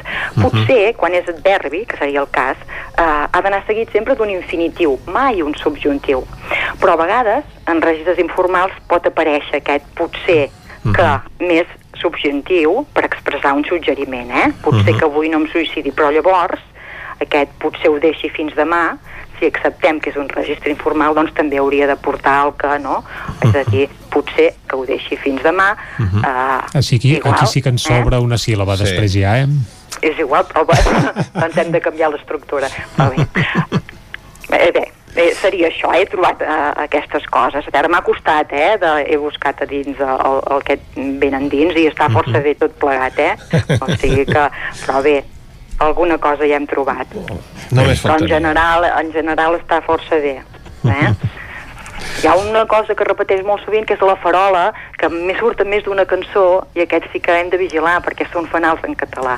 I aquesta, aquesta paraula surt en El més Mai trobaràs, cançó. eh? El Mai trobaràs és un clàssic on hi ha la noia que espera el seu príncep blau, això, allà la farola, diguem. Doncs aquí, hi, ha, hi, ha, hi n'hi ha una altra que també surt, aquesta farola. Però bé, eh, en general, eh, és, un, és un àlbum que està força bé. Li direm en Miquel... Lingüísticament, parlant, eh? Ling- Sí, sí, evidentment, evidentment. Li direm en Miquel del Roig que el seu principal èxit és La farola, la farola. Correcte, exacte. Vaja. Sí, sí, sí. Uh, bé, doncs vinga, va, uh, deixem les faroles, ens quedem amb els fanals. Cristina, moltes gràcies per haver-nos acompanyat Sí, una vegada a més aquí a. Territori 17. Esperem d'aquí 15 dies, sí? Perfecte. I ja tens hora Vinga. demanada, Cristina? No, no em Perquè, deixa. esclar, tu, ho, ho, has dit, Ara- ho has dit tu, que Ja l'aparició ja toca. del vent endins va ser allò en la teva època, Sí, per sí, tant, no, no deus estar gaire lluny. Soc en aquesta franja, sí, sí. Molt bé, doncs esperem que arribi el moment. Doncs Vinga, va, dem demanem hora tots plegats i Vicenç, nosaltres ara ens quedem amb l'Empordà Oh, de i tant. sopa de cobra, de sopa de cabra, de cobra. Ai, mare de Déu, com estem avui lingüísticament parlant. Uh, I en la versió, això, que va quedar immortalitzada en aquell Ben endins, uh, que aquesta setmana compleix 30 anys. Com passa el temps? Oh, i tant. Doncs vinga, anem cap a l'Empordà, tornarem a dos quarts en punt, aquí a Territori 17. Passar ampolles i anys i en siseta encara aguantava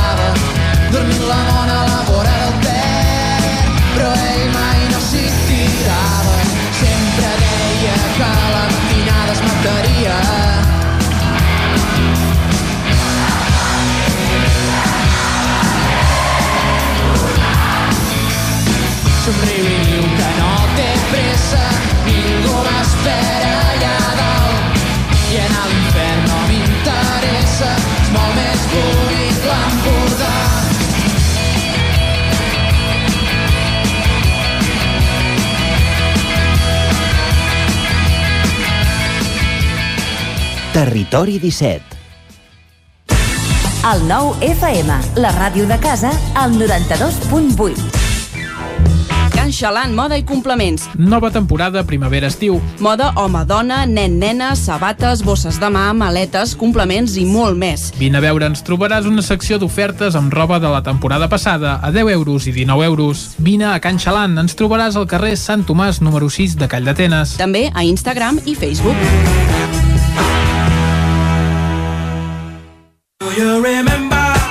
Automòbils Pla de Vall. Som una empresa familiar amb 36 anys d'experiència en la compra-venda de cotxes nous, seminous i d'ocasió. Els nostres vehicles són completament revisats abans de la seva entrega al client, amb els manteniments al dia i amb garantia personalitzada. Finançament a mida del client. Vine a Automòbils Pla de Vall i t'assessorarem. Som a la carretera de la Guixa, número 1719 de Vic. Telepizza Vic. Vine a descobrir les nostres ofertes. Tots els dimarts ens tornem bojos. Pizzas mitjanes a un preu irresistible. I tots els dijous, Family Days.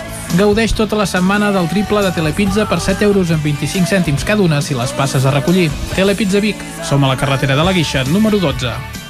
Hi ha sensacions que són úniques. Aquell bany relaxant, mirar per la finestra quan plou i com les calderes Bailand, que li ofereixen fins a 15 anys de cobertura total amb el servei tècnic oficial Bailand. Informis a Oficiat Nord trucant al 93 886 0040. Amb el servei tècnic oficial de Bailand, la seva caldera estarà en les millors mans.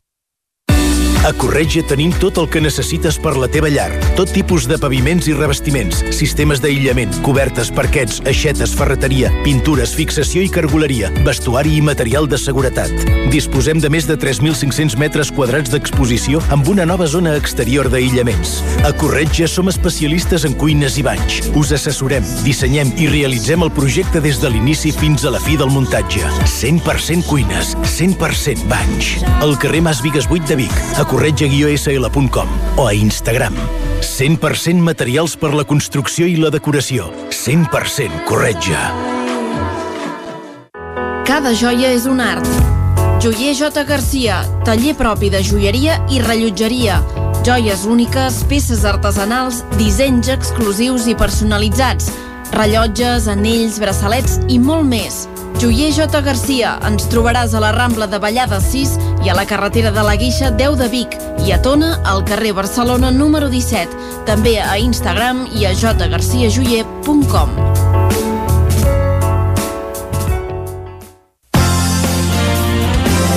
El nou FM, la ràdio de casa, al 92.8.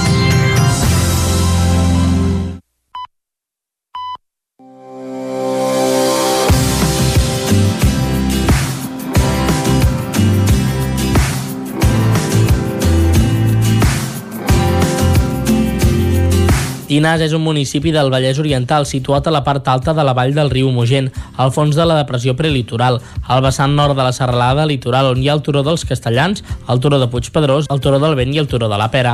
La primera referència del nom de Llinars es té de l'any 919, però el terme era habitat molt abans. La vila té dos museus, el Museu Monogràfic del Castell Vell, situat a Can Bordoi, i el Fons Municipal Joan Plaigras, situat a la planta baixa de l'Ajuntament. El nucli urbà conserva encara molts carrers i racons plens d'història, com la Font de l'antiga presó i edificis antics rehabilitats als carrers del centre de la vila. Antigament anomenat també Castell del Far, el castell vell va ser aixecat sobre runes ibèriques i romanes cap al segle IX o X a l'est del coll de Can Bordoi.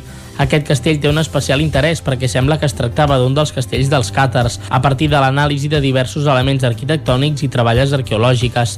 Tot i ser enderrocat el 1448 per un terratrèmol, encara queda part central de l'edifici. En fer excavacions va aparèixer tota l'antiga estructura envoltada de fossats, que ara es troba al descobert, consolidada i visible. El castell nou, emplaçat al mateix nucli del poble, és un dels millors palaus renaixentistes conservats del país. Va ser construït per encàrrec de Riembau de Corbera Sant Climent entre el 1548 i el 1558, després de l'ensorrament del castell vell pel terratrèmol de 1448. És una casa forta de planta quadrada d'uns 27 metres de costat. A cada angle hi havia un petit baluar i un torricó de planta triangular, dels quals només queden els dos de la part nord. Durant les guerres civils del segle XVIII es van desmuntar per evitar l'aspecte militar del castell. Tot l'edifici és de paredat amb angles i a les finestres de pedra granítica de la comarca, tallada amb molta cura i que es manté sense el més lleuger desgast. Pel que fa a la decoració pintada a la sala noble, pot considerar-se un dels pocs exemples conservats a Catalunya de pintures de caràcter profà i alegòric d'aquella època. És l'edifici més emblemàtic de la vila, tot i que encara no té un ús concret si fan actes culturals i visites guiades. El jaciment ibèric del Turó del Vent està situat en un punt que domina un pas natural a través del corredor, que comunica la plana Vallesana amb el Maresme. És un exemple més del poblament de la serralada litoral durant el segle IX abans de Crist. Es tracta d'un nucli situat en un punt estratègic, emmurallat i testimoni de les relacions comercials d'aquests pobles ibers amb els comerciants helènics i les seves factories. En el poblat del Turó del Vent es troben gran quantitat de sitges. Això explica que els seus habitants eren agricultors i ramaders i emmagatzemaven el cereal. La torrassa o torre del Moro és una torre cilíndrica lleugerament cònica que presenta una base d'època romana de nou filades de grossos carreus encoixinats i un nivell superior possiblement medieval de carreus de granit però més petits i amb zones irregulars. Es troba al punt més alt de la serra del Montnegre des d'on es pot veure el barcelonès, Maresme i la plana Vallesana.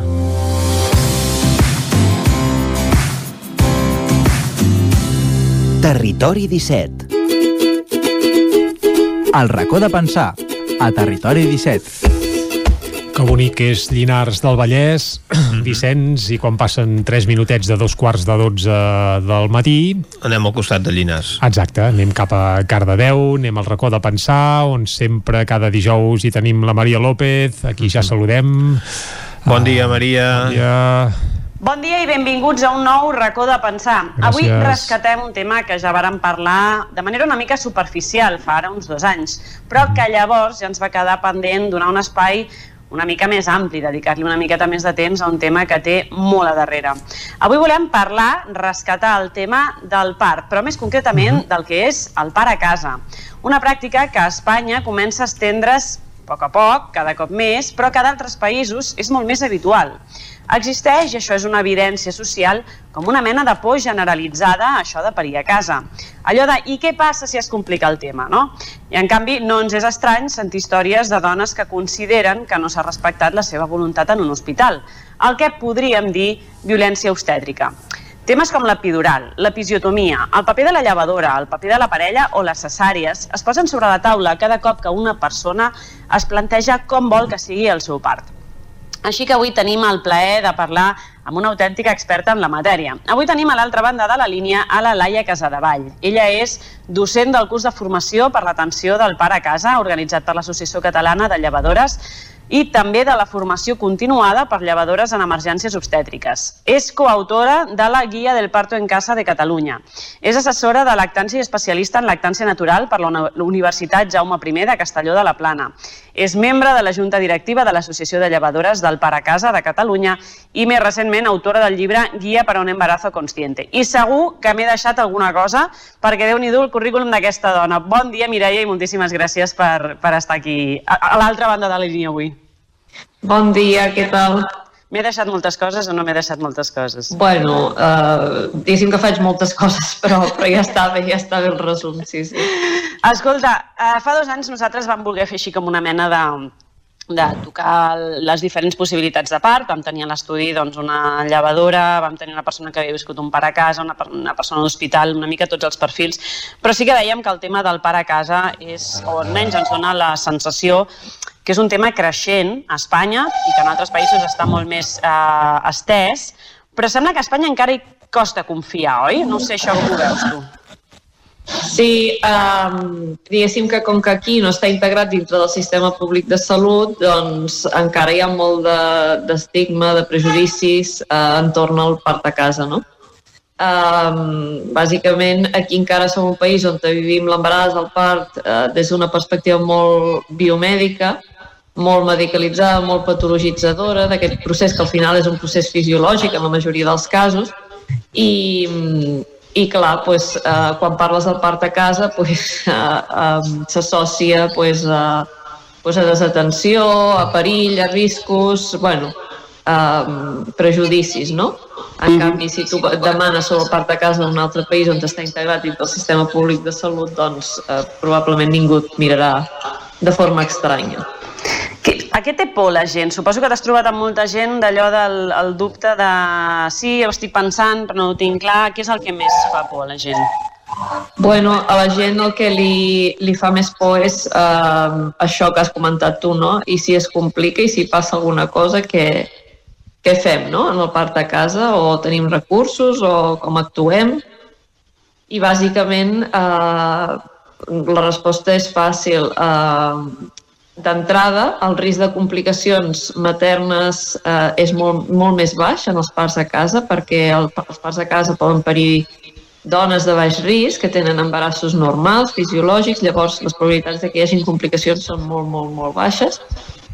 Uh, llavors, uh, aquestes zones estan ateses per llevadores expertes que estem formades en emergències obstètriques, uh, és a dir, que si passa qualsevol cosa, doncs estem preparades per actuar i, eh, i a més a més hi ha un pla de trasllat establert que en el cas de que hi hagi qualsevol complicació, doncs, eh, per exemple, el domicili no pot estar més de 30 minuts de distància d'un hospital, hi ha d'haver un, un, un, un, un cotxe de transport eh, aparcat a menys de 5 minuts de distància, eh, bueno, tenim els telèfons directes de sala de parts i de neonatologia, etc. Llavors, eh, d'entrada, el risc de complicacions greus en el part de casa és molt, molt baix, hi ha un estudi recent publicat del part de casa a Catalunya, de la Lucía Alcaraz i companyia, que s'ha publicat aquest mes passat i, i bueno, eh, evidencia doncs, això que el part de casa és molt segur i les estadístiques de Catalunya coincideixen amb les estadístiques d'altres països del nostre entorn, on el parc de casa sí que està instaurat en el sistema públic, o no, perquè en tenim moltíssims estudis ja i de diferents països, diferents contextes, però veiem que les estadístiques aquí a Catalunya doncs, són molt similars i que el risc de complicacions greus és molt, molt, molt, molt baix i totes les que hem tingut doncs s'acaben solventant bé.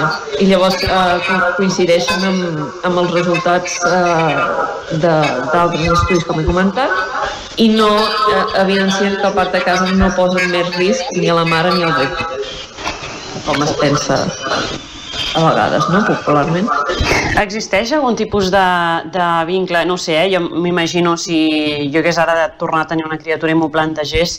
Uh, no sé si existeix vincle entre el servei català i la persona o la llevadora amb la que decideixes acompanyar-te en tot aquest procés, perquè entenc que aquest procés l'acompanyes amb una llevadora, oi?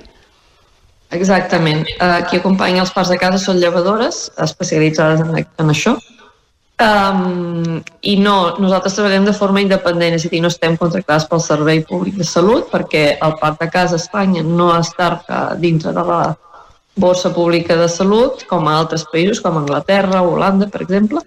Um, aquí és, un, és completament privat, per tant, quan una dona desitja parir casa ha de buscar-se una llevadora independent i reembolsar uh, tota la despesa de, des de la seva butxaca. És a dir, és un privilegi avui en dia parir a Espanya a casa, cosa que no hauria de ser així perquè el part a casa és un dret de tota dona europea reconegut per la Cort Europea de Drets Humans.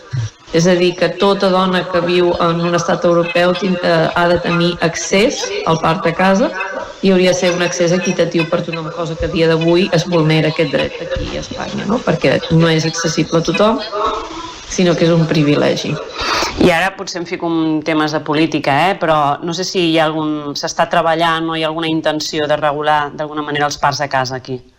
I era, eh, en el 2016 estàvem, teníem una comissió a dintre del Departament de Salut eh, que estàvem treballant per el reembols del parc de casa. És a dir, no el podem fer públic, és a dir, no el podem integrar dintre del sistema públic perquè a, a Catalunya i a Espanya tenim un dèficit de llevadores brutal, és a dir, no tenim llevadores, Llavors, evidentment, no podríem cobrir això, però sí que el que podem fer és que les dones que es paguen un part de casa se'ls hi retornin els diners. I això és el que estàvem treballant i, de fet, ho anava, estava gairebé provat. Però llavors va passar el tema del 155, a Catalunya, tot el tema polític, i es va parar absolutament tot i des de llavors bueno, eh, diguéssim, el tema es va quedar allà encallat i no s'ha no mogut més. Ara volem tornar eh, pues, a començar negociacions perquè, clar, la cosa estava molt avançada i sap greu, haguéssim set la primera comunitat autònoma que reembolsava amb el part a casa. De fet, Catalunya som la comunitat autònoma que més part a casa tenim, que més llevadores tenim de part a casa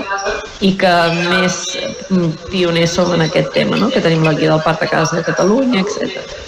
I de fet, sense sortir massa eh, d'aquest tema, perdona, el, el, pel sistema sanitari en realitat segurament el cost d'un par a casa deu ser inferior que un par a l'hospital, oi? Exactament. És a dir, a sobre de, de ser igual de segur per la mare i per al bebè, de fet per la mare és més segur el part de casa, això és el que ens diuen els estudis, per al bebè és igual de segur en, quan parlem de dones de baix risc, eh? Uh, I a més a més ofereix més satisfacció per les dones i és més a cost efectiu per al sistema. És a dir, que al final és una, és, eh, tots hi guanyem si el, si el part a casa estigués inclòs dins de la cartera de serveis públics. I per això mateix, per exemple, Anglaterra va fer una gran campanya l'any 2014 el govern eh, promocionant el part a casa que totes les dones de baix risc parissin a casa o a cases de part perquè era on era més segur per elles i pels seus bebès i que reservessin els hospitals per les dones d'alt risc, que és el que hauria de ser, no? o per les dones que desitgen pas medicalitzats, que també és lícit, no? Però um, que hi han d'haver alternatives, que les dones ho demanen, i que a més a més aquestes alternatives no són una bogeria, són opcions molt segures, que està demostrat per evidència científica, que s'obtenen molts més bons resultats eh, quan parlem de dones de baix risc, per llevadors expertes, i per tant eh, val la pena apostar per, per, per més opcions. No? A la introducció deia una mica que hi ha la sensació de que cada vegada, de fet deies que Catalunya és la comunitat autònoma dins d'Espanya que més parts de casa hi han. Sí. Uh, no sé si hi ha dades sobre com ha, cres ha crescut aquesta xifra els últims anys. Um, bueno, um, exactament no et sé dir el percentatge de, de com ha anat creixent, però sí que um, bueno, va creixent, tot i que és molt baixa eh, la xifra de parts a casa d'Espanya. De, a Catalunya crec que apareixen a l'any al voltant d'unes 500 dones uh, a casa, o sigui, és molt baixet el percentatge perquè, clar, repeteixo, és un tema de privilegi que les dones s'han de pagar la seva butxaca. A més a més, no tothom pot accedir a la informació. Hi ha moltes dones que no saben ni que es pot parir a casa, perquè, clar, el sistema públic no ofereix aquesta informació. Val? Llavors, qui accedeix al parc de casa? Pues dones molt ben informades, dones amb estudis superiors, dones que saben on trobar aquesta informació, aquesta evidència, etc i que acaben arribant aquí. Per tant, repeteixo, segueix sent un privilegi ja a nivell econòmic, com a nivell d'informació, com a nivell d'accessibilitat. Parlàvem d'unes 500 dones a nivell Catalunya, si no m'equivoco, us dit. Um, a, Catal a Catalunya, oi, dèiem, aquestes 500? Sí. sí. Uh, no sé una mica, parlaves ja una mica del perfil, però també d'una banda, suposo que hi ha gent que ja des del primer moment, uh, amb el primer fill, han estat uh, convençudes que volien fer un part a casa, però suposo que també et deus tro uh, trobar molts casos de gent que ha passat un primer part eh, a través d'un hospital i que no han tingut una bona experiència a nivell mèdic i han optat en aquesta segona vegada o tercera vegada per tenir un pare a casa. Sí. Um, curiosament, uh, és bastant 50-50. Eh? Um, és a dir, ara ja, avui en dia, moltes dones ja que d'entrada decideixen informadament parir a casa el primer fill. Um, cosa que no, no ens pensava, o sigui, ens pensàvem que hi havia més d'aquest segon grup uh, fins que vam començar a recollir estadístiques uh, l'any 2014 o 2014. Um, llavors, el, el perfil de dones és això, bastant 50-50, és a dir, don, la meitat de dones que apareixen a casa són dones que esperen el primer fill i la meitat són dones que esperen un segon, tercer o el que sigui, no? I que sí que han tingut experiències prèvies eh, a l'hospital i aquestes experiències moltes vegades han estat experiències traumàtiques o de violència obstètrica. Això t'anava a dir, això ens porta directament a parlar de la violència obstètrica. Uh, per a aquelles persones que ens estiguin escoltant i no sàpiguen molt bé a què vol dir aquesta, aquest concepte. Violència obstètrica, què podríem incloure com a... De, bàsicament, entenc que ens parlem del, de no respectar una voluntat la violència obstètrica és l'apropiació dels processos reproductius de les dones per part dels professionals de la salut. I aquesta apropiació pot ser eh, medicalitzant excessivament els nostres processos fisiològics, eh, no respectant la nostra voluntat, eh, no donant-nos un consentiment informat adequat, coaccionant-nos perquè accedim a certes intervencions, eh, és a dir, no sentir-nos respectades eh, a nivell, o sigui, no sentir-nos respectades de, a nivell d'acompanyament, tant com eh, patir abusos d'intervencions en el nostre cos, en un procés que al final, repeteixo, és fisiològic i no hauria de ser medicalitzat de forma rutinària. No? I a dia d'avui doncs, les estadístiques que tenim a Catalunya i a Espanya doncs, eh, parlen per si soles i veiem que les, les, eh, els percentatges de, de cesàries, de, d'episiotomies, d'induccions, de, de maniobres vàries són altíssims i sobrepassen moltíssim les recomanacions de la OMS o de l'evidència científica i això el que hem d'estar dir quan, quan un país abusa tant d'intervencions eh, aquestes intervencions són innecessàries eh, tot aquest abús d'intervenció no? per exemple la cesària salven vides però quan passem del 10-15% que és la recomanació oficial de la OMS i de l'evidència científica sabem que en comptes de salvar vides el que fem és posar-les en perill perquè la cesària no oblidem que és una cirurgia major abdominal que comporta molts més riscos que un part vaginal d'acord? Llavors com això doncs l'episiotomia, l'episiotomia que és el tall del perineu de la dona, la OMS ens diu que no hauríem de sobrepassar el 10% i en canvi a, a Espanya estem un 42%, és a dir, un 42% de dones reben un tall en el seu perineu en el part, això és violència obstètrica, perquè estem tallant molts periners innecessàriament i això té repercussions molt greus a la nostra salut sexual i, i, uri, uri, i, de, i de problemes d'incontinència en el futur, etc. No? Llavors, mm, totes les intervencions o sigui, hem d'estar agraïts de definir-les quan les utilitzem bé i adequadament i en sentit comú, però quan abusem d'elles, com estem fent actualment en aquest país, doncs el que estem fent és posar en, salut les, posar en risc la salut física i mental de les dones i dels bebès.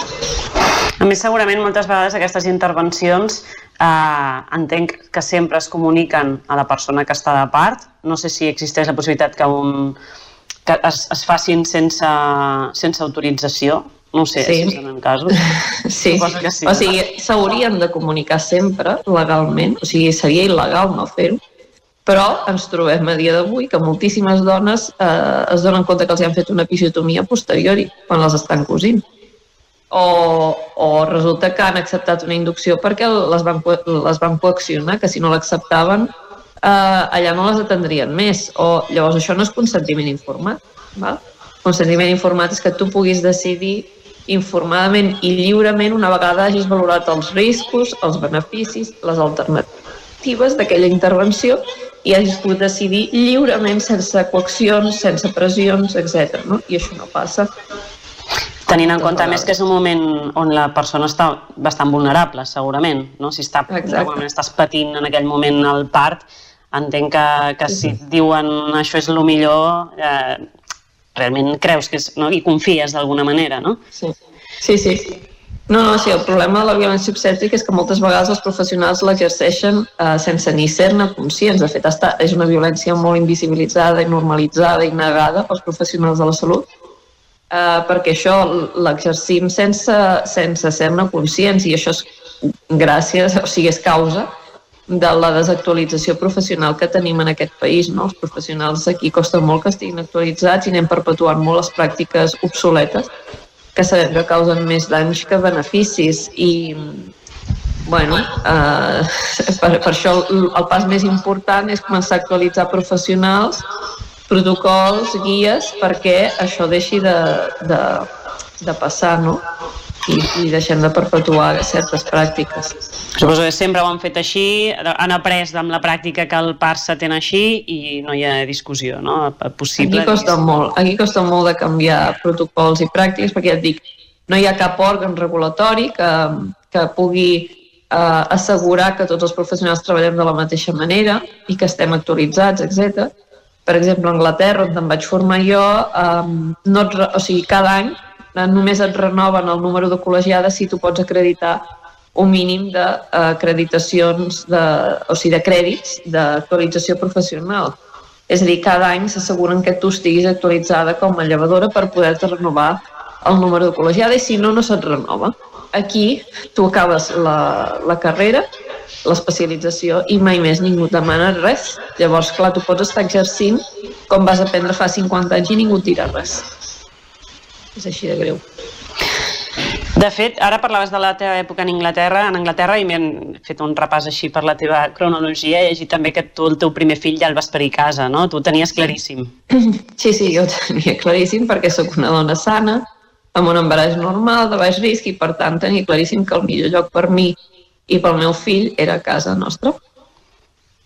I ja des d'un primer moment, i mira, acabes d'alguna manera també uh, aconsellant i fent aquests acompanyaments. Segurament hi ha gent que ens està escoltant que es planteja o potser està adoptant o ho veu com una opció. Quins serien els passos, les primeres passes a fer per, per poder fer un pare a casa?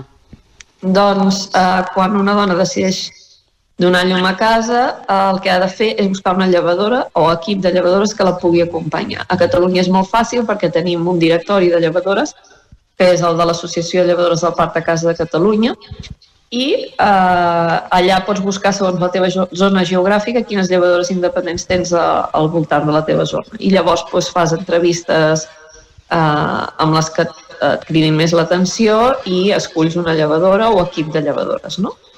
Una vegada tens aquest, aquesta llevadora o equip i has formalitzat l'acompanyament, el que fas és eh, no abandones l'acompanyament del sistema, evidentment, perquè no sabem mai si l'embaràs eh, pues arribaran de baix risc al final de l'embaràs o hi haurà algun tipus de complicació, és a dir, tu segueixes un doble seguiment en, entre la seguretat social o per privada on vagis i amb la llevadora independent. Val? Llavors, si al final l'embaràs tot és normal, totes les proves han set correctes, no hi ha cap factor de risc, doncs llavors ja eh, deixes la part del sistema i ja el dia que et fiques de part doncs, contactes amb la teva llevadora independent o equip de llevadores que estan de guàrdia per tu des de la setmana 37 i venen al teu domicili quan et poses de part i t'atenen tot el,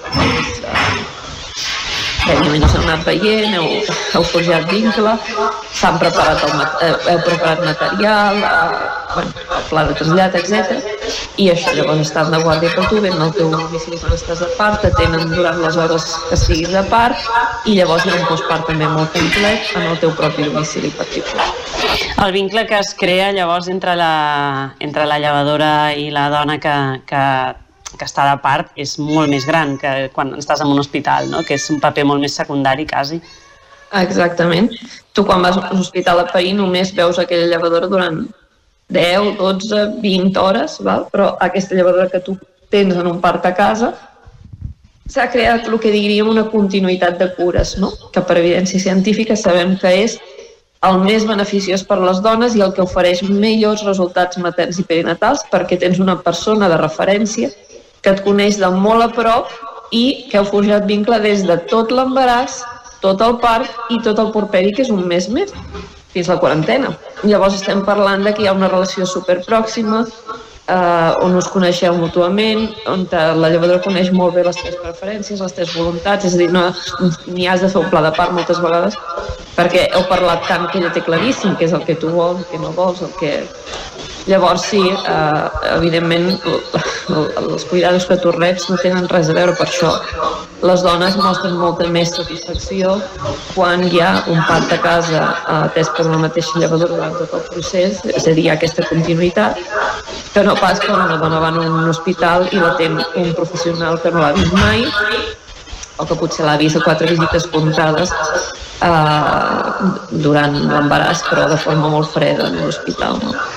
I a més a més d'amb la llevadora, eh, és possible que també a nivell d'entorn familiar amb la parella o si tens més fills també es genera com una cosa emocionalment, sí, sí. eh? Parlo, entenc que el moment del part es viu d'una manera totalment diferent també, no? Sí, bueno, és que ja et dic, hi ha una relació molt propera i de confiança i de fet sempre es queda aquesta relació. Jo mantinc eh, contacte amb moltes de les dones que els hi el pare i me'n recordo absolutament de totes elles Um, I et podria dir com van parir cada una d'elles, uh, tot i bé és pues, més de 100 parts a casa, no? perquè al final um, és això, hi ha com un vincle tan estret, es crea com un cordó umbilical no? amb aquesta dona i és molt bonic perquè les relacions doncs, acaba sent com, bueno, com part de la família no? moltes vegades.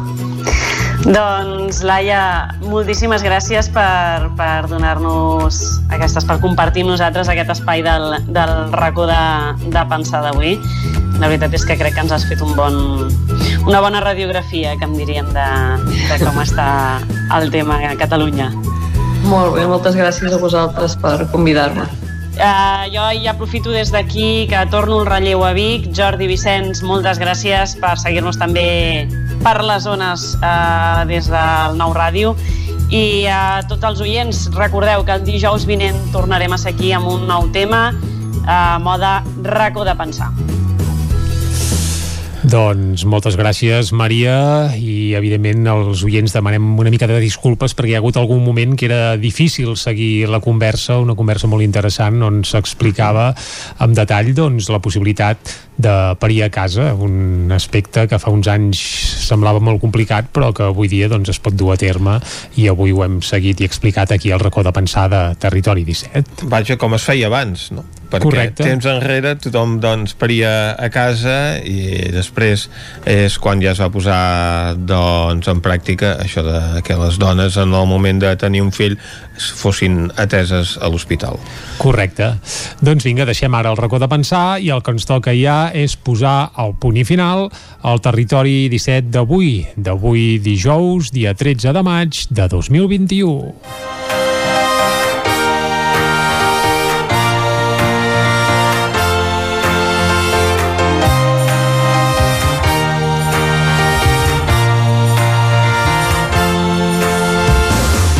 Abans de tancar el programa, recordem que l'hem fet possible gràcies a... Clàudia Dinarès, Caral Campàs, David Auladell, Isaac Muntades, Pepa Costa, Isaac Moreno, Guillem Freixa, Guillem Rico, Núria Lázaro, Natàlia Peix, Cristina Enfruns, Maria López, Jordi Sunyer i Vicenç Vigues. Nosaltres tornarem demà divendres i serem, com sempre, des de les 9 del matí i fins a les 12 del migdia. Us esperem. Que vagi molt bé. Adeu. Ciao.